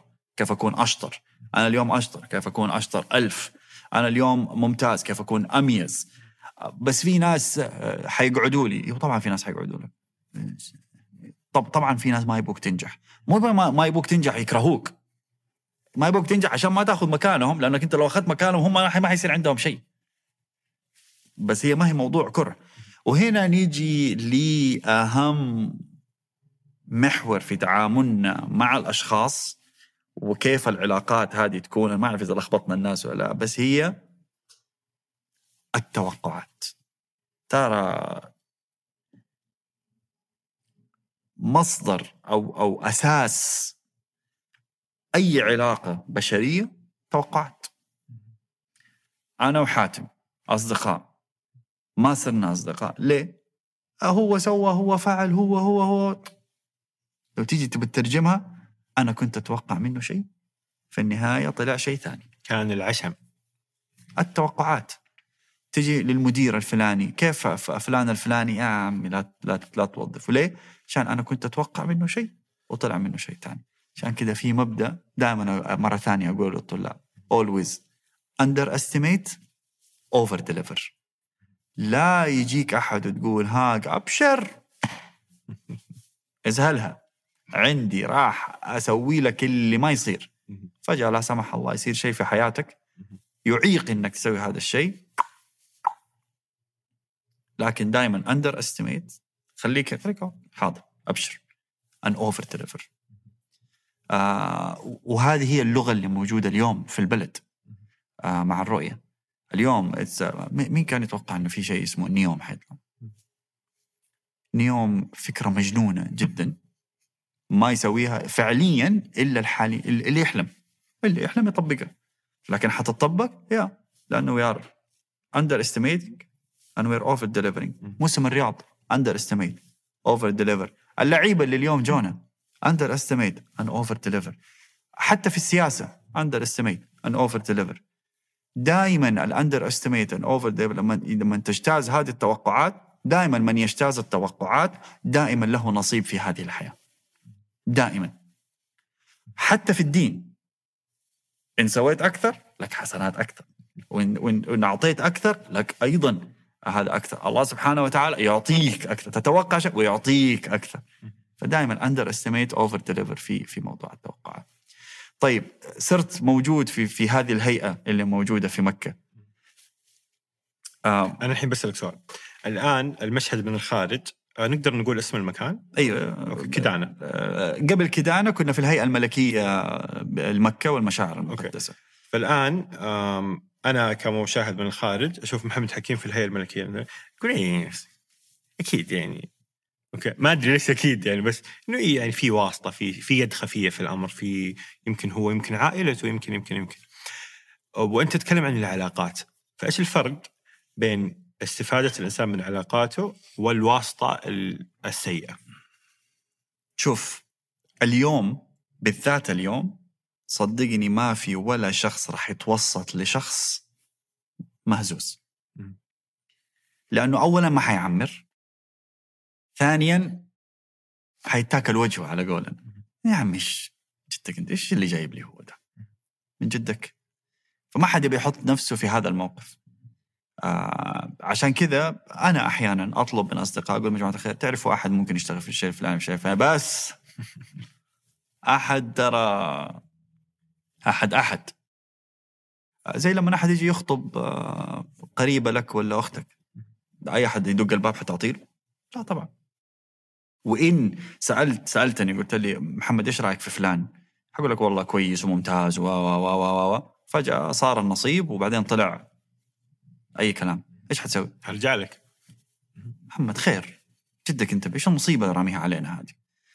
آه ف آه، اليوم بسبب الإجراءات الرسمية اللي أصبحت تصير في موضوع ال- الفساد والدنيا هذه الناس أصبحت اليوم تتحفظ بشكل مرة كبير على موضوع الواسطات هذا رقم واحد.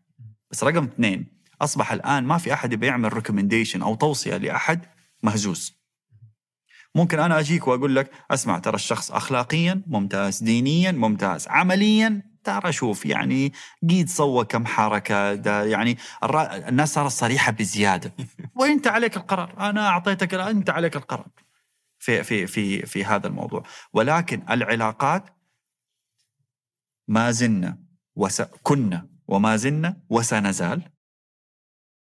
مجتمع بشكل عام وليس سعودي عربي. إحنا ال word of mouth هي اللي تضرب عندنا. حتى عالميا يعني أذكر نتفلكس كان في دراسة عن ال- التوظيف كم في المية علاقات وكم في المية إرسال CV. أظن كان 60% أو شيء؟ exactly يعني عالميا حتى مو مو بالضبط. هي في النهاية ال word of mouth ليه؟ أنا اكون بتعشى مع- معك يا أخي والله أحتاج أحد في التخصص الفلاني. والله عندي. مين؟ محمد حكيم. لا يا شيخ والله. كيف؟ مدري مين هذا. خذ كلمه. بس هو ليش أنت جيت في بال هذا أصلا؟ آه لأنك أنت زرعت القيمة. أنت طبعك قاعد تطلع في العالم تقول أنا تجربة مستخدم أنا تجربة مستخدم أنا تجربة مستخدم. فأنت زرعت لنفسك أنت حطيت لنفسك ال competitive advantage هذه أنت أعطيت لنفسك هذه القيمة. أنت كشركة The Startup of You ابدأ بنفسك. بدأت تعملي نفسك قيمة صرت تنعرف بين الناس. سؤال لما كنت في الجامعة تمام؟ مين الشخص اللي كان عندكم الدافور اللي أحسن واحد يكتب ملاحظات؟ عشان كده نرجع وأقول ترى صارت قبل كده في حياتك. اليوم أنا أبغى اليوم إحنا جالسين في محاضرة دكتور محمد حكيم هندسة آه، 101 تمام؟ وإحنا عارفين إنه حاتم أحسن واحد يكتب ملاحظات. ويجي ويركز مع الدكتور وهذا. إيش إيش إيش كل الطلبة حيجوك بالله ممكن صورة من المذكرة حقتك بالله ممكن هذا. صرت أنت معروف على نطاق الجامعة إن أنت أحسن واحد تكتب آه، مذكرة. ولو دكتور محمد حكيم توظ- توظف في وزارة مثلا وكان يحتاج أحد بهذا ال... يقول أوه في هذاك طالب. شكرا جزيلا. تمام؟ اليوم أنا أحتاج أنا أنا كنا نشتغل في مؤتمر وفجأة عارفين إنه والله في بنت ما شاء الله عليها حركية وتروح وتيجي ونعطيها ومدري مين ده. إحنا اشتغلنا في مكان نبغى شخص حركي ومدري مين وده. حروح أجيب الغريب ولا أروح أجيب اللي أنا عارف إنه كيف حيسوي؟ عشان كده أحيانا تلاقي في مدراء تنفيذيين ولا وزراء تمام؟ مش عندنا بس في أي مكان. لما نيجي مكان جديد إيش يسوي؟ يجيب شلته. شكرا جزيلا. بس هذا ينظر له بشكل سلبي. يعتقدوا إنه والله إنه آه، واسطة ولا يجيب حبايبه ولا ولا ولا. بس هو في الأخير إيش يقول لك؟ أنا مطلوب مني شغلة معينة وأبغى أوصل بأسرع طريقة معينة لهذا. فعندي خيارين. يا أشوف الناس اللي موجودة وأنا حشوف الناس اللي موجودة. بس أصبح ما في emotional connection بيني وبين الناس القديمة. تمام؟ فأنا ماني مجبر عليك. connection emotion connection عاطفيا في تواصل يعني. مو لازم أصبر عليك. أنا أبغى واحد اثنين ثلاثة. أنت لسبب ما ما قدمته. أنت شاطر بس لسبب ما ما قدمت الواحد اثنين ثلاثة. تمام؟ إيش أسوي؟ مع وأجيب اللي يقدر يسوي لي واحد اثنين ثلاثة أربعة خمسة ستة. وأنا متعود وعارف كيف حيسوي الشغلة. الآن هل هي صح ولا خطأ؟ هذا موضوع ثاني. تمام؟ أو طريقة التعامل معها هل هي تشتغل؟ هل هي تؤدي تجيب النتائج اللي تجيبها؟ يعني في شيء أنا أحس إنه الناس ما تتوقع حجم أهميته في العمل وكذا اللي هو الثقة مقابل المهارة يعني. آه فالمدير أو الوزير أو يبغى ناس يثق فيهم حتى لو كانوا آه كمهارات شوي أقل ولا ناس مهاراتهم عاليه بس ما في ثقة بينهم. طبعا.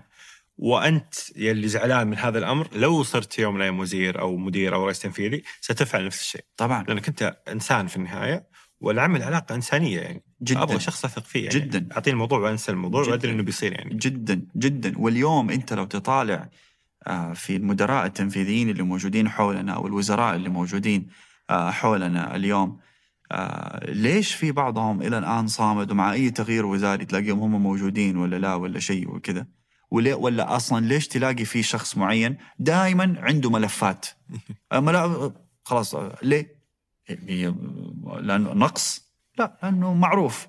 الشخص الفلاني لو جاته الشغلة underestimate over deliver دائما آه فبالتالي آه هذه شغلة ضروري الواحد يبدأ يشتغل عليها ال- العلاقات ضروري آم، وشوف هي مرة صعبة ما هي سهلة. إنك آه، كيف تفصل بين نفسك وبين عملك وبين العوامل الخارجية والعوامل الداخلية وتعاملات الناس مختلفة وطبائع الناس مختلفة الناس اللي موجودين في في في في في منطقة معينة آه، في المملكة غير الناس الموجودين في منطقة معينة أيضا. فلما تحطهم مع بعض أحيانا ممكن أنا وأنت مثلا جايين من نفس المدينة ولا جايين من نفس المكان آه، عاطفيا نرتبط ببعض بس مع أحد ثالث داخل من منطقة مختلفة مش معناته انه نكرهه أو يكرهنا بس ما, ما يولف على هذه ال ال ال آه، الطبيعة. حلو. دخلت ال- الهيئة الملكية. دخلنا الهيئة الملكية. بهذا الشكل إنك أوه كان في محاضرة رحت ساعدتها قدمتها تك تك تك. توصية. فلان طلع كان بيطلب أحد. آه، قالوا قال لهم أبغى أحد في تجربة الضيف. آه، كلمني الرئيس التنفيذي على هذاك الوقت. طلب مني شوية أشياء قدمت له هي وأنا ما أعرفه من غير خمس شهور مقابل من مادي. راتب. خمس شهور من غير هذه. ثقة. يعني تمام. مع إنه مو من حقهم يسووا كذا فكان انت يمدك بس صارت. ما حيعطوني راتب ما أشتغل. بس لا انت يمدك تستثمر في ثقة الناس هذول فيك وتقول أنا معاكم. صارت. وعلى فكرة إلى اليوم علاقتي به- بهذا الفريق وترى ما هي انتنشن إنه ما أعطوني راتب. يعني لخبطت عقود وال- والأمور هذه كلها. بس أنا كنت كل يوم أروح المكتب وأقدم أفضل من اللي مطلوب مني. وأح... مع إني ما كنت أعرف ترى بس أحاول وأتعلم وأسأل وأسوي وأفعل. الحمد لله طبيعتي الشخصية إني مرح وأروح وأجي وأتحرك وهذه الأمور كلها. فصار ترى يعني أوكي يمكن ما يعرف في الأمور التقنية كثير بس ترى في دبرة. عنده أيوه. يعني نجيبه ولو يعني إذا لو علمتوه اوه ده ممكن آه، يسوي اللي ما يتسوى. آه، عنده. أنا اللي أبغى الشباب اليوم يطلعوا بكثير من الحاجات من هذه الحلقة أبغى فيك ال- دي ال ال ال ال البداية. ال- لأنه الأشياء الثانية أخليك تروح تاخذ course في هارفرد وتجيبها أخليك تروح تاخذ course في IMD المعلومة سهلة الكسب الم- سهل كسبها بس هي بس العقلية العقلية الذهنية. والصبغ وال وال وال openness هذه وال وال والانفتاح إنك تتعلم وتسوي وتفعل. جاء هذا الشخص وقال لي ابغاك أبغاك تكون في فريقي ناس في الهيئة الملكية. بدأت مع الهيئة الملكية. بعدين أنا أنا بطبعي ما أحب موضوع التحزبات ومدري مين. يا عمي أنا جاي أدي شغلي وأمشي. كثير من الناس وأنا بحضر لهذا قالوا لي نبغاك تتكلم على موضوع العلاقات وبيئة العمل وهذا. ترى ما حد يدفع لك فلوس عشان تجي تلعب. تمام؟ يقول لك أيوه البيئة ما عجبتني. يعني أنا ماني فاهم إيش يعني بيئة معي. والن- والن- والناس جاتك عشان تقول هي هي ما- حد ما حد جابك عشان كذا. آه، إذا الناس اللي في ديزني أحيانا تشتكي من من ضغط ال- العمل. ديزني اللي أحلى مكان في العالم. آه، وعلى فكرة ترى في documentary على كيف ال ال ال ال ال ال الألم في تعب ديزني وده الأمور. البنت اللي تمثل شخصية ريبونزل ريبونزل اللي شعرها مرة طويل تمام؟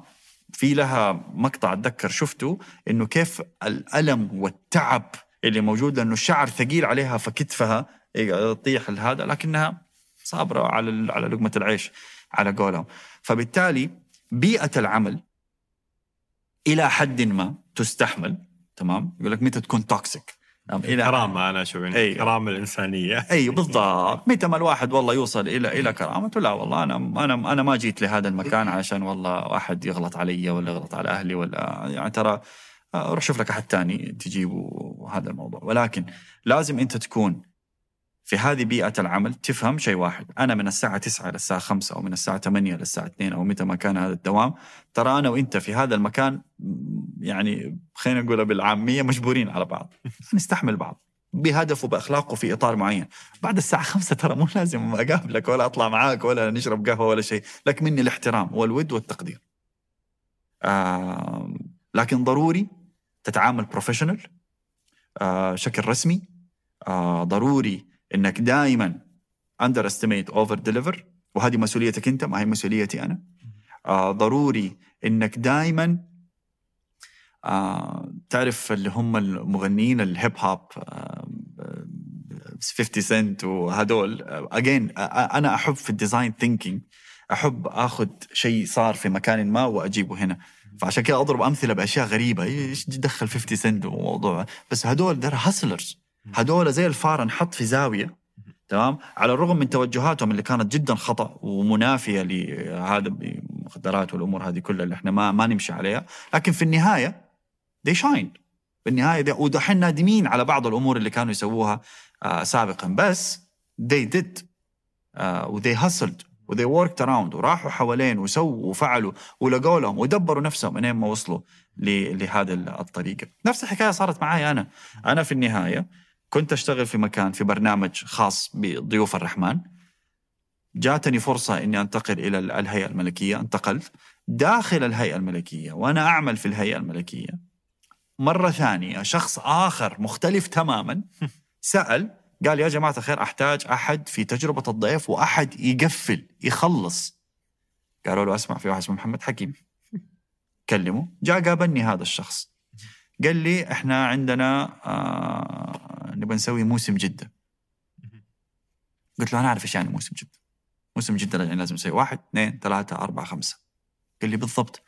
قلت له أنت تحتاج تعمل واحد اثنين ثلاثة أربعة. واحد اثنين ثلاثة أربعة هذه من فين عرفتها؟ وأنا شغال في مكة. عرفت إنك لازم تسوي كذا. قلت له لازم تسوي كذا ولازم تفعل كذا ولازم تنتبه لكذا. قال لي أنت معانا. قلت له أنت كم معاك وأنا شغال في مكان المهم اشتغلت بعدين بشكل مؤقت في موسم جدة في تجربة الضيف اللي هو أول موسم لجدة. مم. بعدين رجعت الهيئة الملكية مرة ثانية وأسسنا كنت في الفريق اللي بيأسس آه، كدانة طب الآن سؤال هل أنا عمري في حياتي أسست شركات؟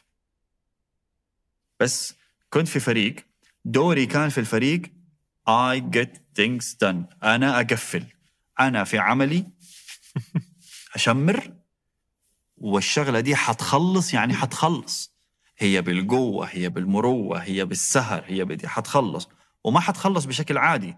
حتخلص بشكل Apple حتخلص بشكل جوجل حتخلص بشكل ديزني حتخلص بشكل بسيط و simple وأنا أحب ال storytelling وحكاية القصة. وأحب ال design thinking التفكير التصميمي. وأحب التصميم والخطوط والنظافة وال minimalist هذه كلها تجمعها مع المحامي والقانونيين مع حقون العمليات وال operation مع المهندسين. كذا ال circle والدائره آه، آه، تكتمل.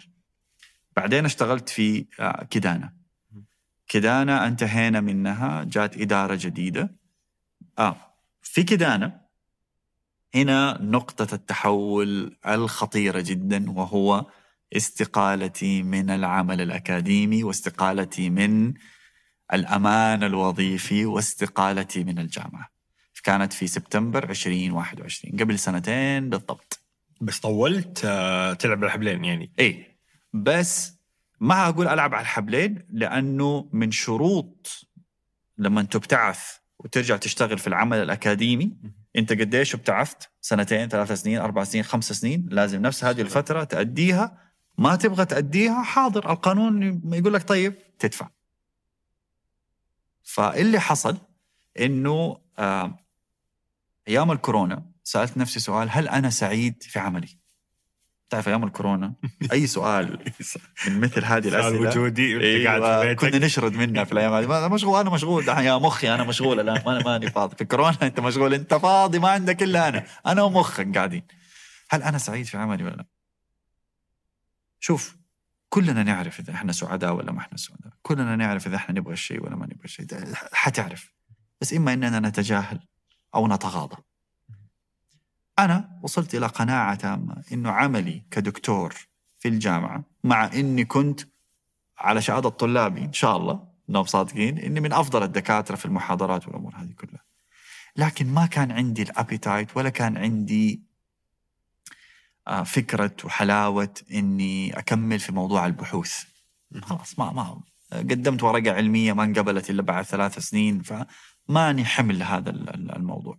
وهذا شرط أساسي في موضوع الترقيه وعندي فرصة ثانية اللي هي موجودة في كدانة ما زالت فرصة وموجودة و... و... ويبغوني.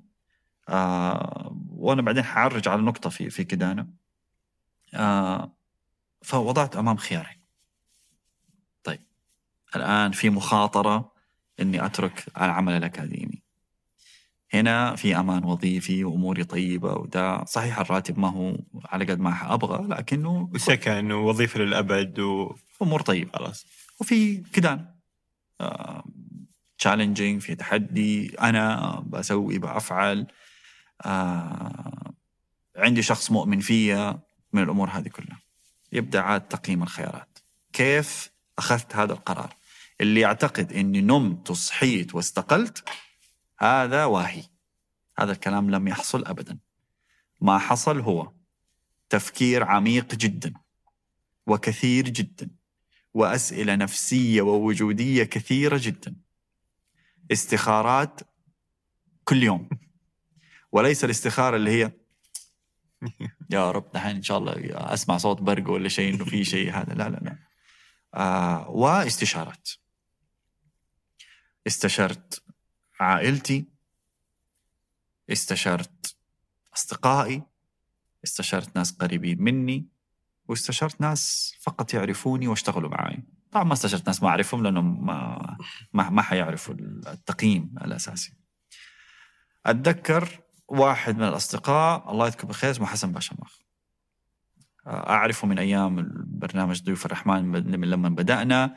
وبعدين اشتغلنا مرة ثانية فسألته هذا السؤال قال لي محمد ترى الموضوع ما هو مرة صعب ولا هو مرة سهل لكن اجلس مع نفسك ورقة حط الخيارين وحط الميزات انت إيش أولوياتك في الحياة اليوم؟ أنا أول ما تخرجت من الجامعة أولوياتي في الحياة كيف كانت؟ وبعد ما اشتغلت أول وظيفة أولوياتي في الحياة إيش كانت؟ يعني لو تتذكر لما قلنا موضوع الابتعاث وسابق أولوياتي إيش كانت بعث أبغى أدرس. هذه الأولوية عشان كذا اخترت. البعث. أولويتي كانت اليوم مصدر مالي جيد.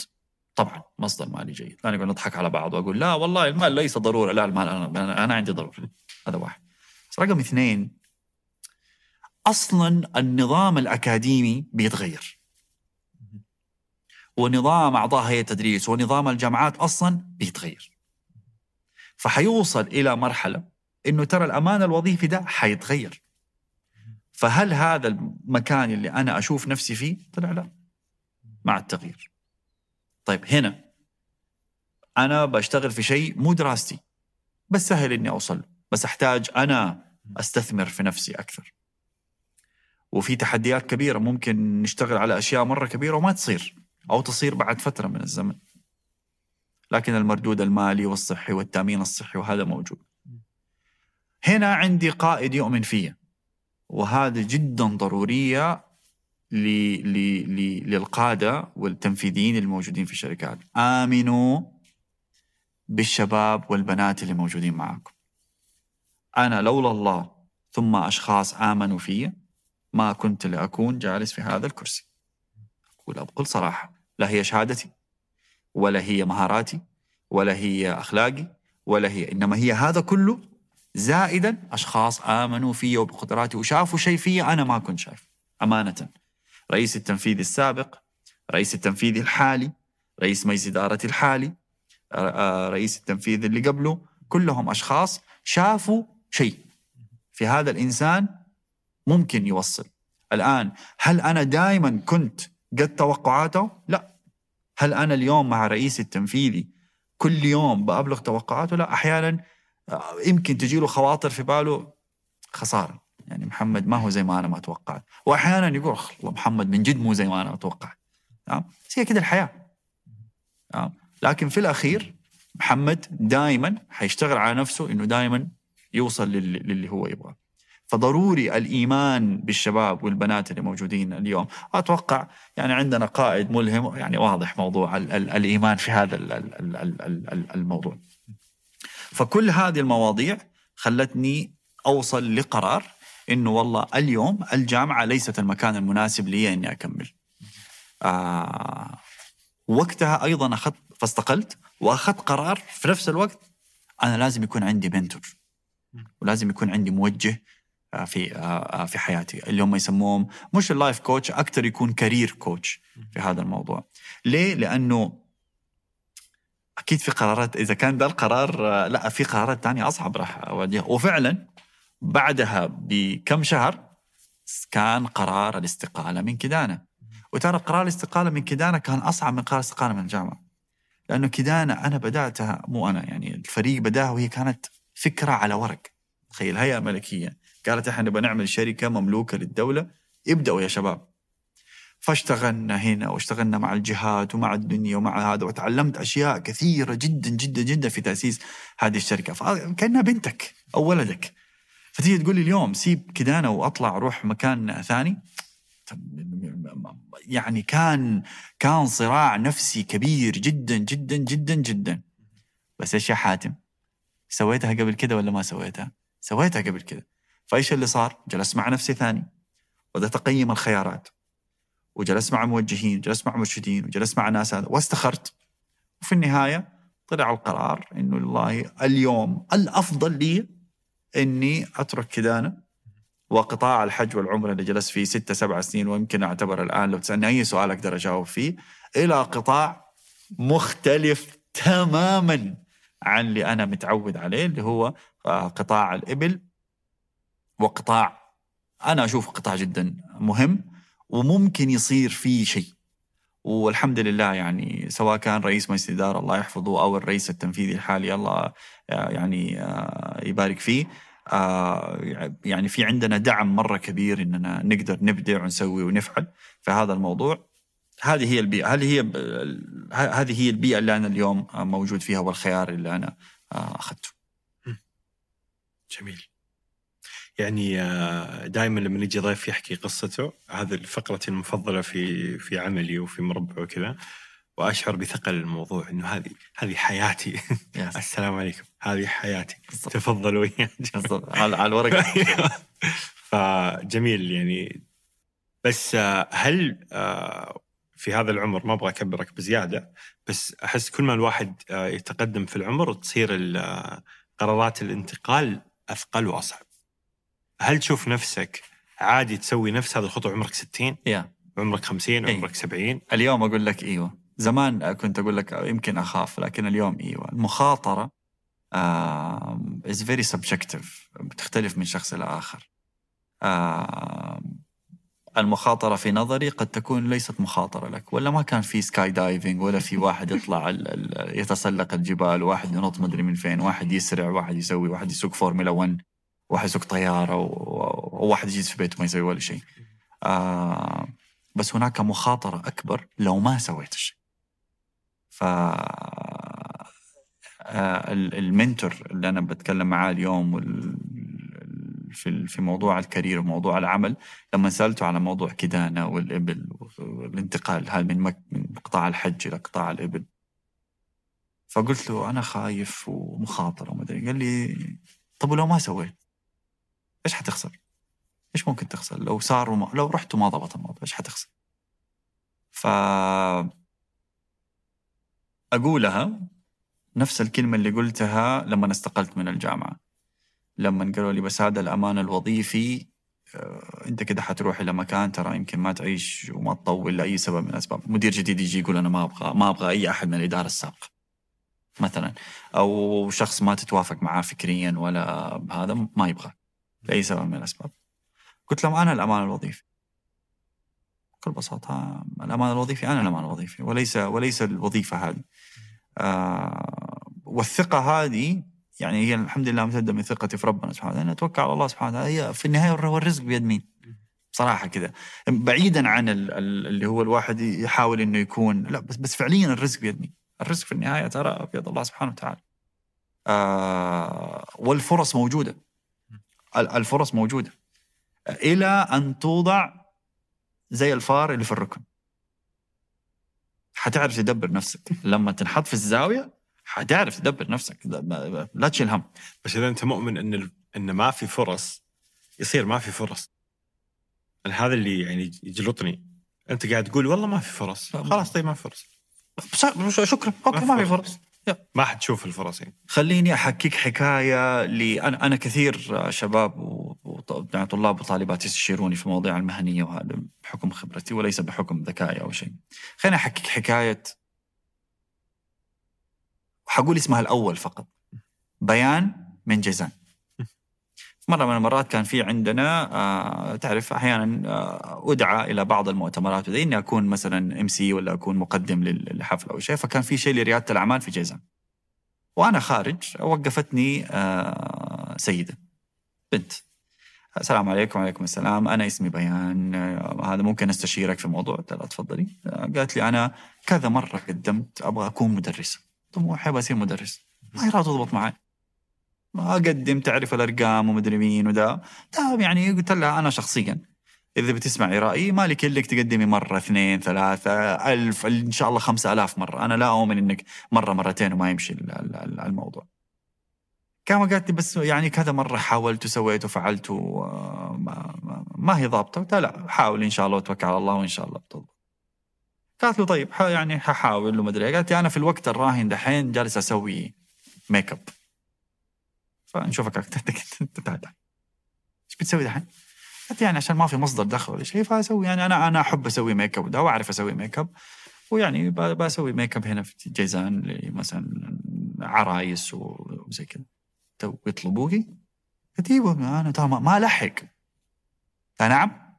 والله ما ما ألحق وعندك صالون؟ قالت لي لا لا بس أحيانا أروح لصالون معين أنا متفقة معاهم بطريقة أو بأخرى إنه أنا دائما إذا عندي عروسه أجيب لكم إياه عشان البرا أو أروح لهم الفرح أو أروح لهم قلت له بتطلع فلوس؟ قلت لي والله يعني الحمد لله فيها خير بس أنا أبغى أصير مدرسه وما ادري مين انت مجنونة أنت؟ قلت ليش في؟ تعال تعال أقعد أقعد أقعد مسكنا ورقة وقلم إيش بتسوي أنت في المكياج؟ كم بتسوي كم إيه. طلعت والله الدخل كويس طيب انسي الدر انسي التدريس خلي التدريس قدمي للوزارة بس خلي على جنب. قلت لا ابغاكي في أحد معين ميك اب تبي تروح تتعلمي منه؟ قالت لي والله في واحدة في جدة نفسها. روحي. روحي روحي. قالت لي بس ما أعرفها. طيب دبري نفسك. روحي لهذه وتعلمي منها كيف ال techniques مدري تعالوا بعدين روح جيبي لك موديل. جيبي مصور. تقدري؟ قالت لي واقدر عادي. بس. وأبدأ في ال social media أنزل الموضوع هذا. قابلتني بعد بعد أربع سنين. بعد أربع سنين. من أشهر ال makeup artist اللي موجودة في جازان أوف. عندها line ما أدري يسموه هذا ال- الرموش. الرموش. وبتفكر تعمل line لل extensions الله. وبتفكر إنها تفتح صالونها. المبدأ اللي بدي أقوله أحيانا إحنا نفكر كذا ما تشوف يعني. بس تلاقي الناس في عندها شيء بتسويه ومبدعة فيه وشاطرة فيه بس خايفة. خايفة من المخاطرة. طب لو سابت الموضوع هذا في خوف من المخاطرة. آه أكبر. عشان كذا أنا بقول دائما لما اجلس مع أحد شاب ولا بنت كذا ويجلس يحكيني ومدري مين ده أبتسم. أقول أقول تراك سويتها قبل؟ والله العظيم تراك سويتها قبل. بس اليوم التح... ال- المرحلة صارت أصعب شوي. بس تفهمني اللي عدى باللي عديناه أول في المدرسة ولا الجامعة ولا كان على وشك رسوب وده أو مثلا بسبب غلطة معينة دخل نفسه في متاهة وبعدين قدر يطلع نفسه من هي هي هي نفس الشيء بس اللهم الآن لازم تستخدمها في في أماكن أخرى. اليوم القصص اللي زيي أو أو غيري هي فقط إنه آه، كده بس تولع لمبات فوق ال- ال- الشخص. بس أنا أعتقد كل إنسان اليوم يطالع في هذه الحلقة أو ما يطالع حتى في هذه الحلقة له قصة ومر في هذه القصة بابس اند داونز بنزلات وطلعات ونجح فيها وعدى. اللي مر اللي مر بعلاقة زوجية لم تنجح وعدى وتغلب على اموره النفسيه فيها. شك حيعرف يعدي بأي شيء ثاني. اللي مر بتجربة مرض والله سبحانه وتعالى شافاه وعافاه وكانت تجربة قاسية له.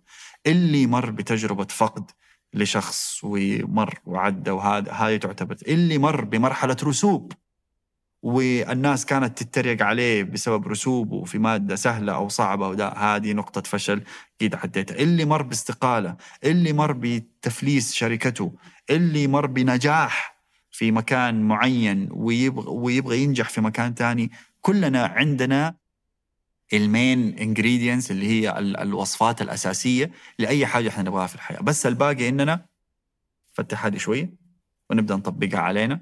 هذا رقم واحد. نشتغل على علاقاتنا ونشتغل على توقعاتنا في هذه ال- ال- ال- العلاقات. رقم ثلاثة الفرص لا تنتهي.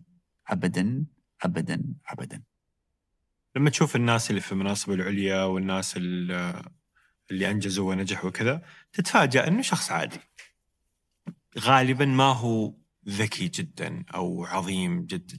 شخص عادي. بس إنه ماشي وماشي وماشي وصامل وصامل وصامل وسوى الصح. الأشياء البسيطة العادية الصح ألف مرة ورا بعض. بس ما هو خالق. وسوى أشياء خطأ مرة كثير وأكل على راسه مرة كثير فصار ما يسوي الخطأ مرة ثانية. بس ما زال يستمر ويسوي. يعني أنت بتفهمني اليوم ما في وزير يغلط؟ ما في وزير يعتقد شيء ويغلط ويعتقد شيء؟ ما في قرار توقعنا إنه يكون صح بعدين رجعنا فيه ورحنا أخذنا الطريق الثاني؟ هل بت... هل تقدر تكون طول عمرك موظف؟ لا. آه يعني قد يكون عملي في قطاع الإبل يمكن هو آخر وظيفة يمكن لا يكون بعدها يمكن في أشياء ثانية. آه بس أعتقد آه يعني في في بعض الأفكار اليوم موجودة عندي إني أكون مثلا آخذ توجه موضوع الاستشارات وموضوع المنتور وإني أكون يعني ال- الكوتش في هذا الموضوع. فهذا one track حاطه في بالي. في track ما حقدر أقوله. هذا سري جدا. يمكن أقول لك هو لما نطفي الكاميرا. في, في البال. حماس. آه، آه، أيضا موضوع العمل الخاص وال وال وال وال business opportunities والفرص ال ال ال إن يكون عندي شركة خاصة في آه بس ما أبغى أسويها لحالي. آه أنا من الناس اللي ما أعتقد ما عندي مو قوتي إني أبدأ الشيء لحالي. لكن أنا أحب العمل كفريق. ما توقعتك ترد كذا. توقعتك تقول إنه في آه، في في ال... يعني الناس دائما تربط الوظيفة إنها أقل بعدين ال- العمل الخاص إنه أعلى بينما في وظائف جدا عالية وتقدر تكون فيها براتب جدا جدا طبعاً. عالي وكذا. طبعا. ف- آه. فبي يعني أنت في هذا الخط ما شاء الله تبارك الله أيوة. وباخذ منك سلف بعد شوي. بس وحجة الرياض كمان. خلاص يعني ما شاء الله تبارك الله ما شاء الله تبارك الله. ف يعني هذا هذا سؤالي إنه أنا ماني مع آه الوظيفة ما تجيب دخل وإنك تبني عملك الخاص وموضوع الوظيفة عبوديه وأنا أنا ماني مع هذا زي ما في انتربرنور في موظف نور. آه أنا أنا كموظف أقدر آه بالعكس أكون في بدخل عالي جدا وانت بتشوف هذول تجينا تقارير مثلا دخل السي اوز للشركات والبنوك ال- مئات آه، الألوف يعني. ب- ب- ب- بشركات مدموجة مع بعض دخلهم هم بس. ما شاء الله تبارك الله. آه لكن آه بالعكس آه أنا متى ما وجدت الفرصة فأنا موجود فيها. سمو سيدي إيش قال للمدافر؟ إحنا نعمل في ألف فرصة. حنشتغل عليهم كلهم. اللي تزبط معانا أهلا وسهلا. واللي ما تزبط معانا حنعرف ليه ما ضبطت معانا ونخليها تزبط معانا. آه نفس الحكاية. أنا أنا في النهاية مو بس أنا أنا أنا بتكلم بلسان أي شاب اليوم بيطالع فيا أو أي شخص بيطالع فيه. أنت قدامك فرص اليوم. الفرص بتعرض عليك. الآن ليش عرضت عليك؟ ترى لسبب. يعني لما يجيك التليفون يقول لك ألو السلام عليكم وعليكم السلام. ترى والله إحنا المكان الفلاني باك تتوظف للمكان الفلاني. ترى ما هي صدفة. تمام؟ لا ما هي لأنه أنت مثلا اشتغلت في مكان والناس بيدوروا على مواصفات معينة طلعت أنت في يعني أو مثلا أنا تواصلت معك أنت شخصيا وقالوا والله فلان الفلاني نحتاجه. أو أنت مثلا كنت في موهبة على سبيل المثال وفزت بال بال بال بال بال بال بالجوائز اللي بي- بياخذوها. أو كنت فيني بعض الدورات الم- ال- ال- ال- المعينة. عشان كذا أنا أبغى الناس دائما يضعوا نفسهم في الأماكن اللي الناس تشوفهم. آه، في برنامج من البرامج ال- ال- البرامج القيادة اللي مشهورة في ال- في السعودية اليوم نسختهم الآن الثالثة أتوقع أو ال- أو الرابعة وأنا الحمد لله بكل فخر الآن ثلاث مرات رفضوني وحستمر إني أقدم. وإن شاء الله يجي اليوم اللي أنقبل فيه وإن شاء الله يجي اليوم يقولوا لي محمد نبغاك أنت اللي تطلع تتكلم كلمة الخريجين. وأقول لهم ترى بس أحب أقول لكم سبع مرات آه، فشلت بس الحمد لله هو أنا بس ليش أبغى أكون في هذا المكان؟ لأنه البول والمكان اللي موجود فيه هذا البرنامج قياديين فيه كثير. هذا يوسع من نطاق النتورك آه، تبعي. المؤتمرات هذه اللي إحنا بنشوفها اليوم سواء كانت في الرياض ولا في جدة ولا في مختلف المناطق هذه كلها تفتح. طيب مو لازم تروح وتقعد تفتح ورقة وقلم والكلام بس انت مين أنا مين أنت بس خليك؟ موجود يعني. ابدأ ال ال ال نمي الع- العلاقات إذا كانت في الشركات. الأصول هي في ال- كم يمتلك من أراضي ومباني وسيارات والكلام هذا كله. أصلك أنت كشخص من الأصول هي علاقاتك. وأنت بالعلاقات اللي أنت تعرفها. Who you know is what you know. آه أنا وصدقني أنت في هذه الحياة في نظرية تقول أنت في هذه الحياة بعيد عن أي شخص في هذا العالم بست أشخاص. إنه تقدر تصل لأي شخص. لا أي تقدر تصل لأي شخص عن عن طريق ست أشخاص من من من من معاه. وفي في نظرية تقول ثلاثة بس. ف تقوية هذه العلاقات مهمة لأنه في بعض الأحيان يا عم أنا أحتاج أحد الآن. فإيش أول شيء راح اسويه؟ ما حأقعد كذا أقول يا رب ألهمني ولا راح أكلم هذا. حمسك جوالي ألو عارف الواتساب group حق أيوه. الشباب؟ في تعرف واحد يعني مثلا دوبو الاتحاد مهزوم ولا الأهلي رايح ولا محمد صلاح جانا ولا ما جانا؟ بعدها كده فجأة واحدة شباب والله احتاج أحد business development بالله فزعتكم الله يرضى عليكم. خذ يا أبوي ده آه، اثنين ولا ثلاثة آه، CVهات بس على ضمانتك. آه، أنا مالي شغل. هو أنا بس بعطيك أنت سوي معاهم interview وسوي معاهم الكلام هذا. كنت جالس مرة في أتقهوى مع صديق صديق قديم يعني بس ما شاء الله عليه داعس داعس في الحياة مرة ما شاء الله تبارك الله.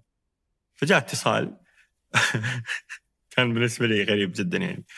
آه، فجاء اتصال من واحد من الأصدقاء يقول له اسمع في الوزارة الفلانية كذا كذا في المشروع الفلاني الضخم كذا كذا. فبيسووا لجنة لهذا المشروع ويبغوا رئيس لهذه اللجنة حيكون وكيل وزير. إيش رأيك تجي؟ هو يقول يا أم والله يا أخي أدري أنا الحين في كذا كذا مرتاح. أحس زار وكيل وزير مدري. خلينا نشوف. بس والله إني ما أتوقع يا أخي. أي. وأنا قاعد أنا اللي ما, أعمل في هذه الأماكن. ماني هناك فما عندي هذا ال exposure. فكذا اللي أوه okay. بعدين تستوعب إنه اي عادي يعني إي هذه عادي. الوزارة شخص والوزير شخص وهذا وكيل شخص يبغوا شخص في هذا المجال. تذكروا هذا الشخص لأنه هو يعمل سوى مشاريع كثيرة كبيرة في هذا الشخص. فهذا مناسب كذا. جالسين هم يسولفوا يعني. بالضبط. مو إنه يعني في لأنها وزارة فهي يعني لا لا لا, لا هي سالفة. ابدا. بعدين في آلية لضبط هذه العملية تجي بعدين. صح. إنه فلان أحس إنه جيد تعالي فلان استلمي يا شركة الموارد بالضبط. البشرية. شوفوا هذا هذا كويس ولا مو كويس؟ اقعدوا أسبوع معاه صح. سووا له 70 اختبار. بالضبط. okay يا شركة؟ okay. خلاص تفضل الله يحييك. بالضبط. وفي تقييمات مستوى بالضبط هذا اللي يصير. بالضبط. مرة ثانية إحنا كمجتمع عربي ال word العالمي أصلا حتى كمان ال word of mouth هي أعلى شيء. ترى word of mouth تطلع مطعم وتنزل مطعم. نعم. آه نفس الحكاية على تنطبق على ال- على الناس. لكن هي السؤال كيف نقدر نخلي الناس تعرفك؟ كيف تخلي دكتورك في الجامعة يعرفك كيف, كيف تقدر آه، آه، تخلي دكتورتك في الجامعة تعرفك كيف أعضاء هيئة تدريس في الجامعة يعرفوا أيوه بس هم يعرفوني بعدين يقعدوا لي ويستقعدوا لي وما أدري إيه طيب هذا استقعد لك سيبه روح اللي بعده إيه. آه، الموضوع بسيط ما أبغى أبسطه ما هو مرة بسيط إيه. صعب لأنه النفسية الموضوع. بسيطة الفكرة بس بسيطة. يعني التنفيذ صعب يس ماني عارف انهي اللقاء وما أبغى أنهي اللقاء صراحة الله جدا. يعني. الله يسلمك بس آه، شكرا والله والله عفوا وشكرا ليك وإن شاء الله يكون عجبك الحليب وإن شاء الله لبقية ال... إن شاء الله تكون حلقة مفيدة. استفادوا منها اشياء وتكون مرجع لهم يا رب. شكرا لكم وشكرا لفريق مربع العظيم. عمل على إنتاج هذه الحلقة عبد الكريم العدواني في الإعداد في التصوير عبد الرحمن العطاس في التسجيل والهندسه الصوتية يوسف إبراهيم. في التحرير جميل عبد الأحد. في التلوين عبد المجيد العطاس. في الإنتاج أيمن خالد. في إدارة محتوى التواصل الاجتماعي رفقة الهليس يعطيهم العافية جميعا وإلى أن نلقاكم الأسبوع المقبل بإذن الله. كونوا بخير. يا شباب خلصنا اللي يبغى حليب نياق يجي؟ أيوه. حليب نياق حليب نياق. والله النياق عالم جميل يعني. يس أنا ما أعرف عنه ولا شيء طبعا بس مرة كنت جالس مع احد الأصدقاء قاعد يشرح لي أشياء كانت صدمة بالنسبة لي ترى يقول لي شوف هذا الفيديو شوف هذا النداء شوف هذا كيف قاعد ينادي الخيل حقته ضروري شوف هذا كيف إن شاء الله. إذا صار مهرجان الملك عبد العزيز تجونا يعني والله حماس. والله ضروري ضروري تجونا والله مرة بالنسبة لي عالم كامل ما أعرف عنه ولا شيء. يس. يعني آه، لما تلاقي أحد حاطط ملايين في ناقة ولا في في في طبعا هي لها أسباب ليش هذه الناقة بمليون وليش هذه. ب 40 مليون الناقة ولا شيء زي كذا ولا هذا. يعني في أسباب. آه بس it's it's it's حب الناس حب صاحب الإبل للإبل مخيف. مش عادي مخيف. تبي يعني مخيف. آه وكيف هي حب. الإبل لصاحبه. yeah وهي كيف تحب وهي هذا هذا غير موضوع ال- الاقتصاد وكيف تقدر تستفيد من الكلام هذا كله. و it's healthy تع- تحفز مقارنة. بحليب البقر والماعز آه، okay. وعزك الله حليب الحمير كمان. okay. آه، ترى حليب الإبل is number 1 أوه. من ناحية الفائدة لل قيمة غذائية وكذا لا ك- ك- كقيمة أوه. غذائية وف- بال- في لاكتوز؟ بالفيتامين. لا ما في لاكتوز. وما في لاكتوز؟ ما في لاكتوز. okay. yeah yeah ترى this is almond milk والحركات دي. لا لا لا هنا ترى it's something. بس الإشكالية اللي عندك إنه إنتاجه بسيط لأنه ال- الجمل ما هو مدر زي البقر. آه. ف that's جمال وزهمه في النهاية يطلع لي شوي. yes فأنت تحتاج تزود من إنتاج الجمل نفسه والعدد.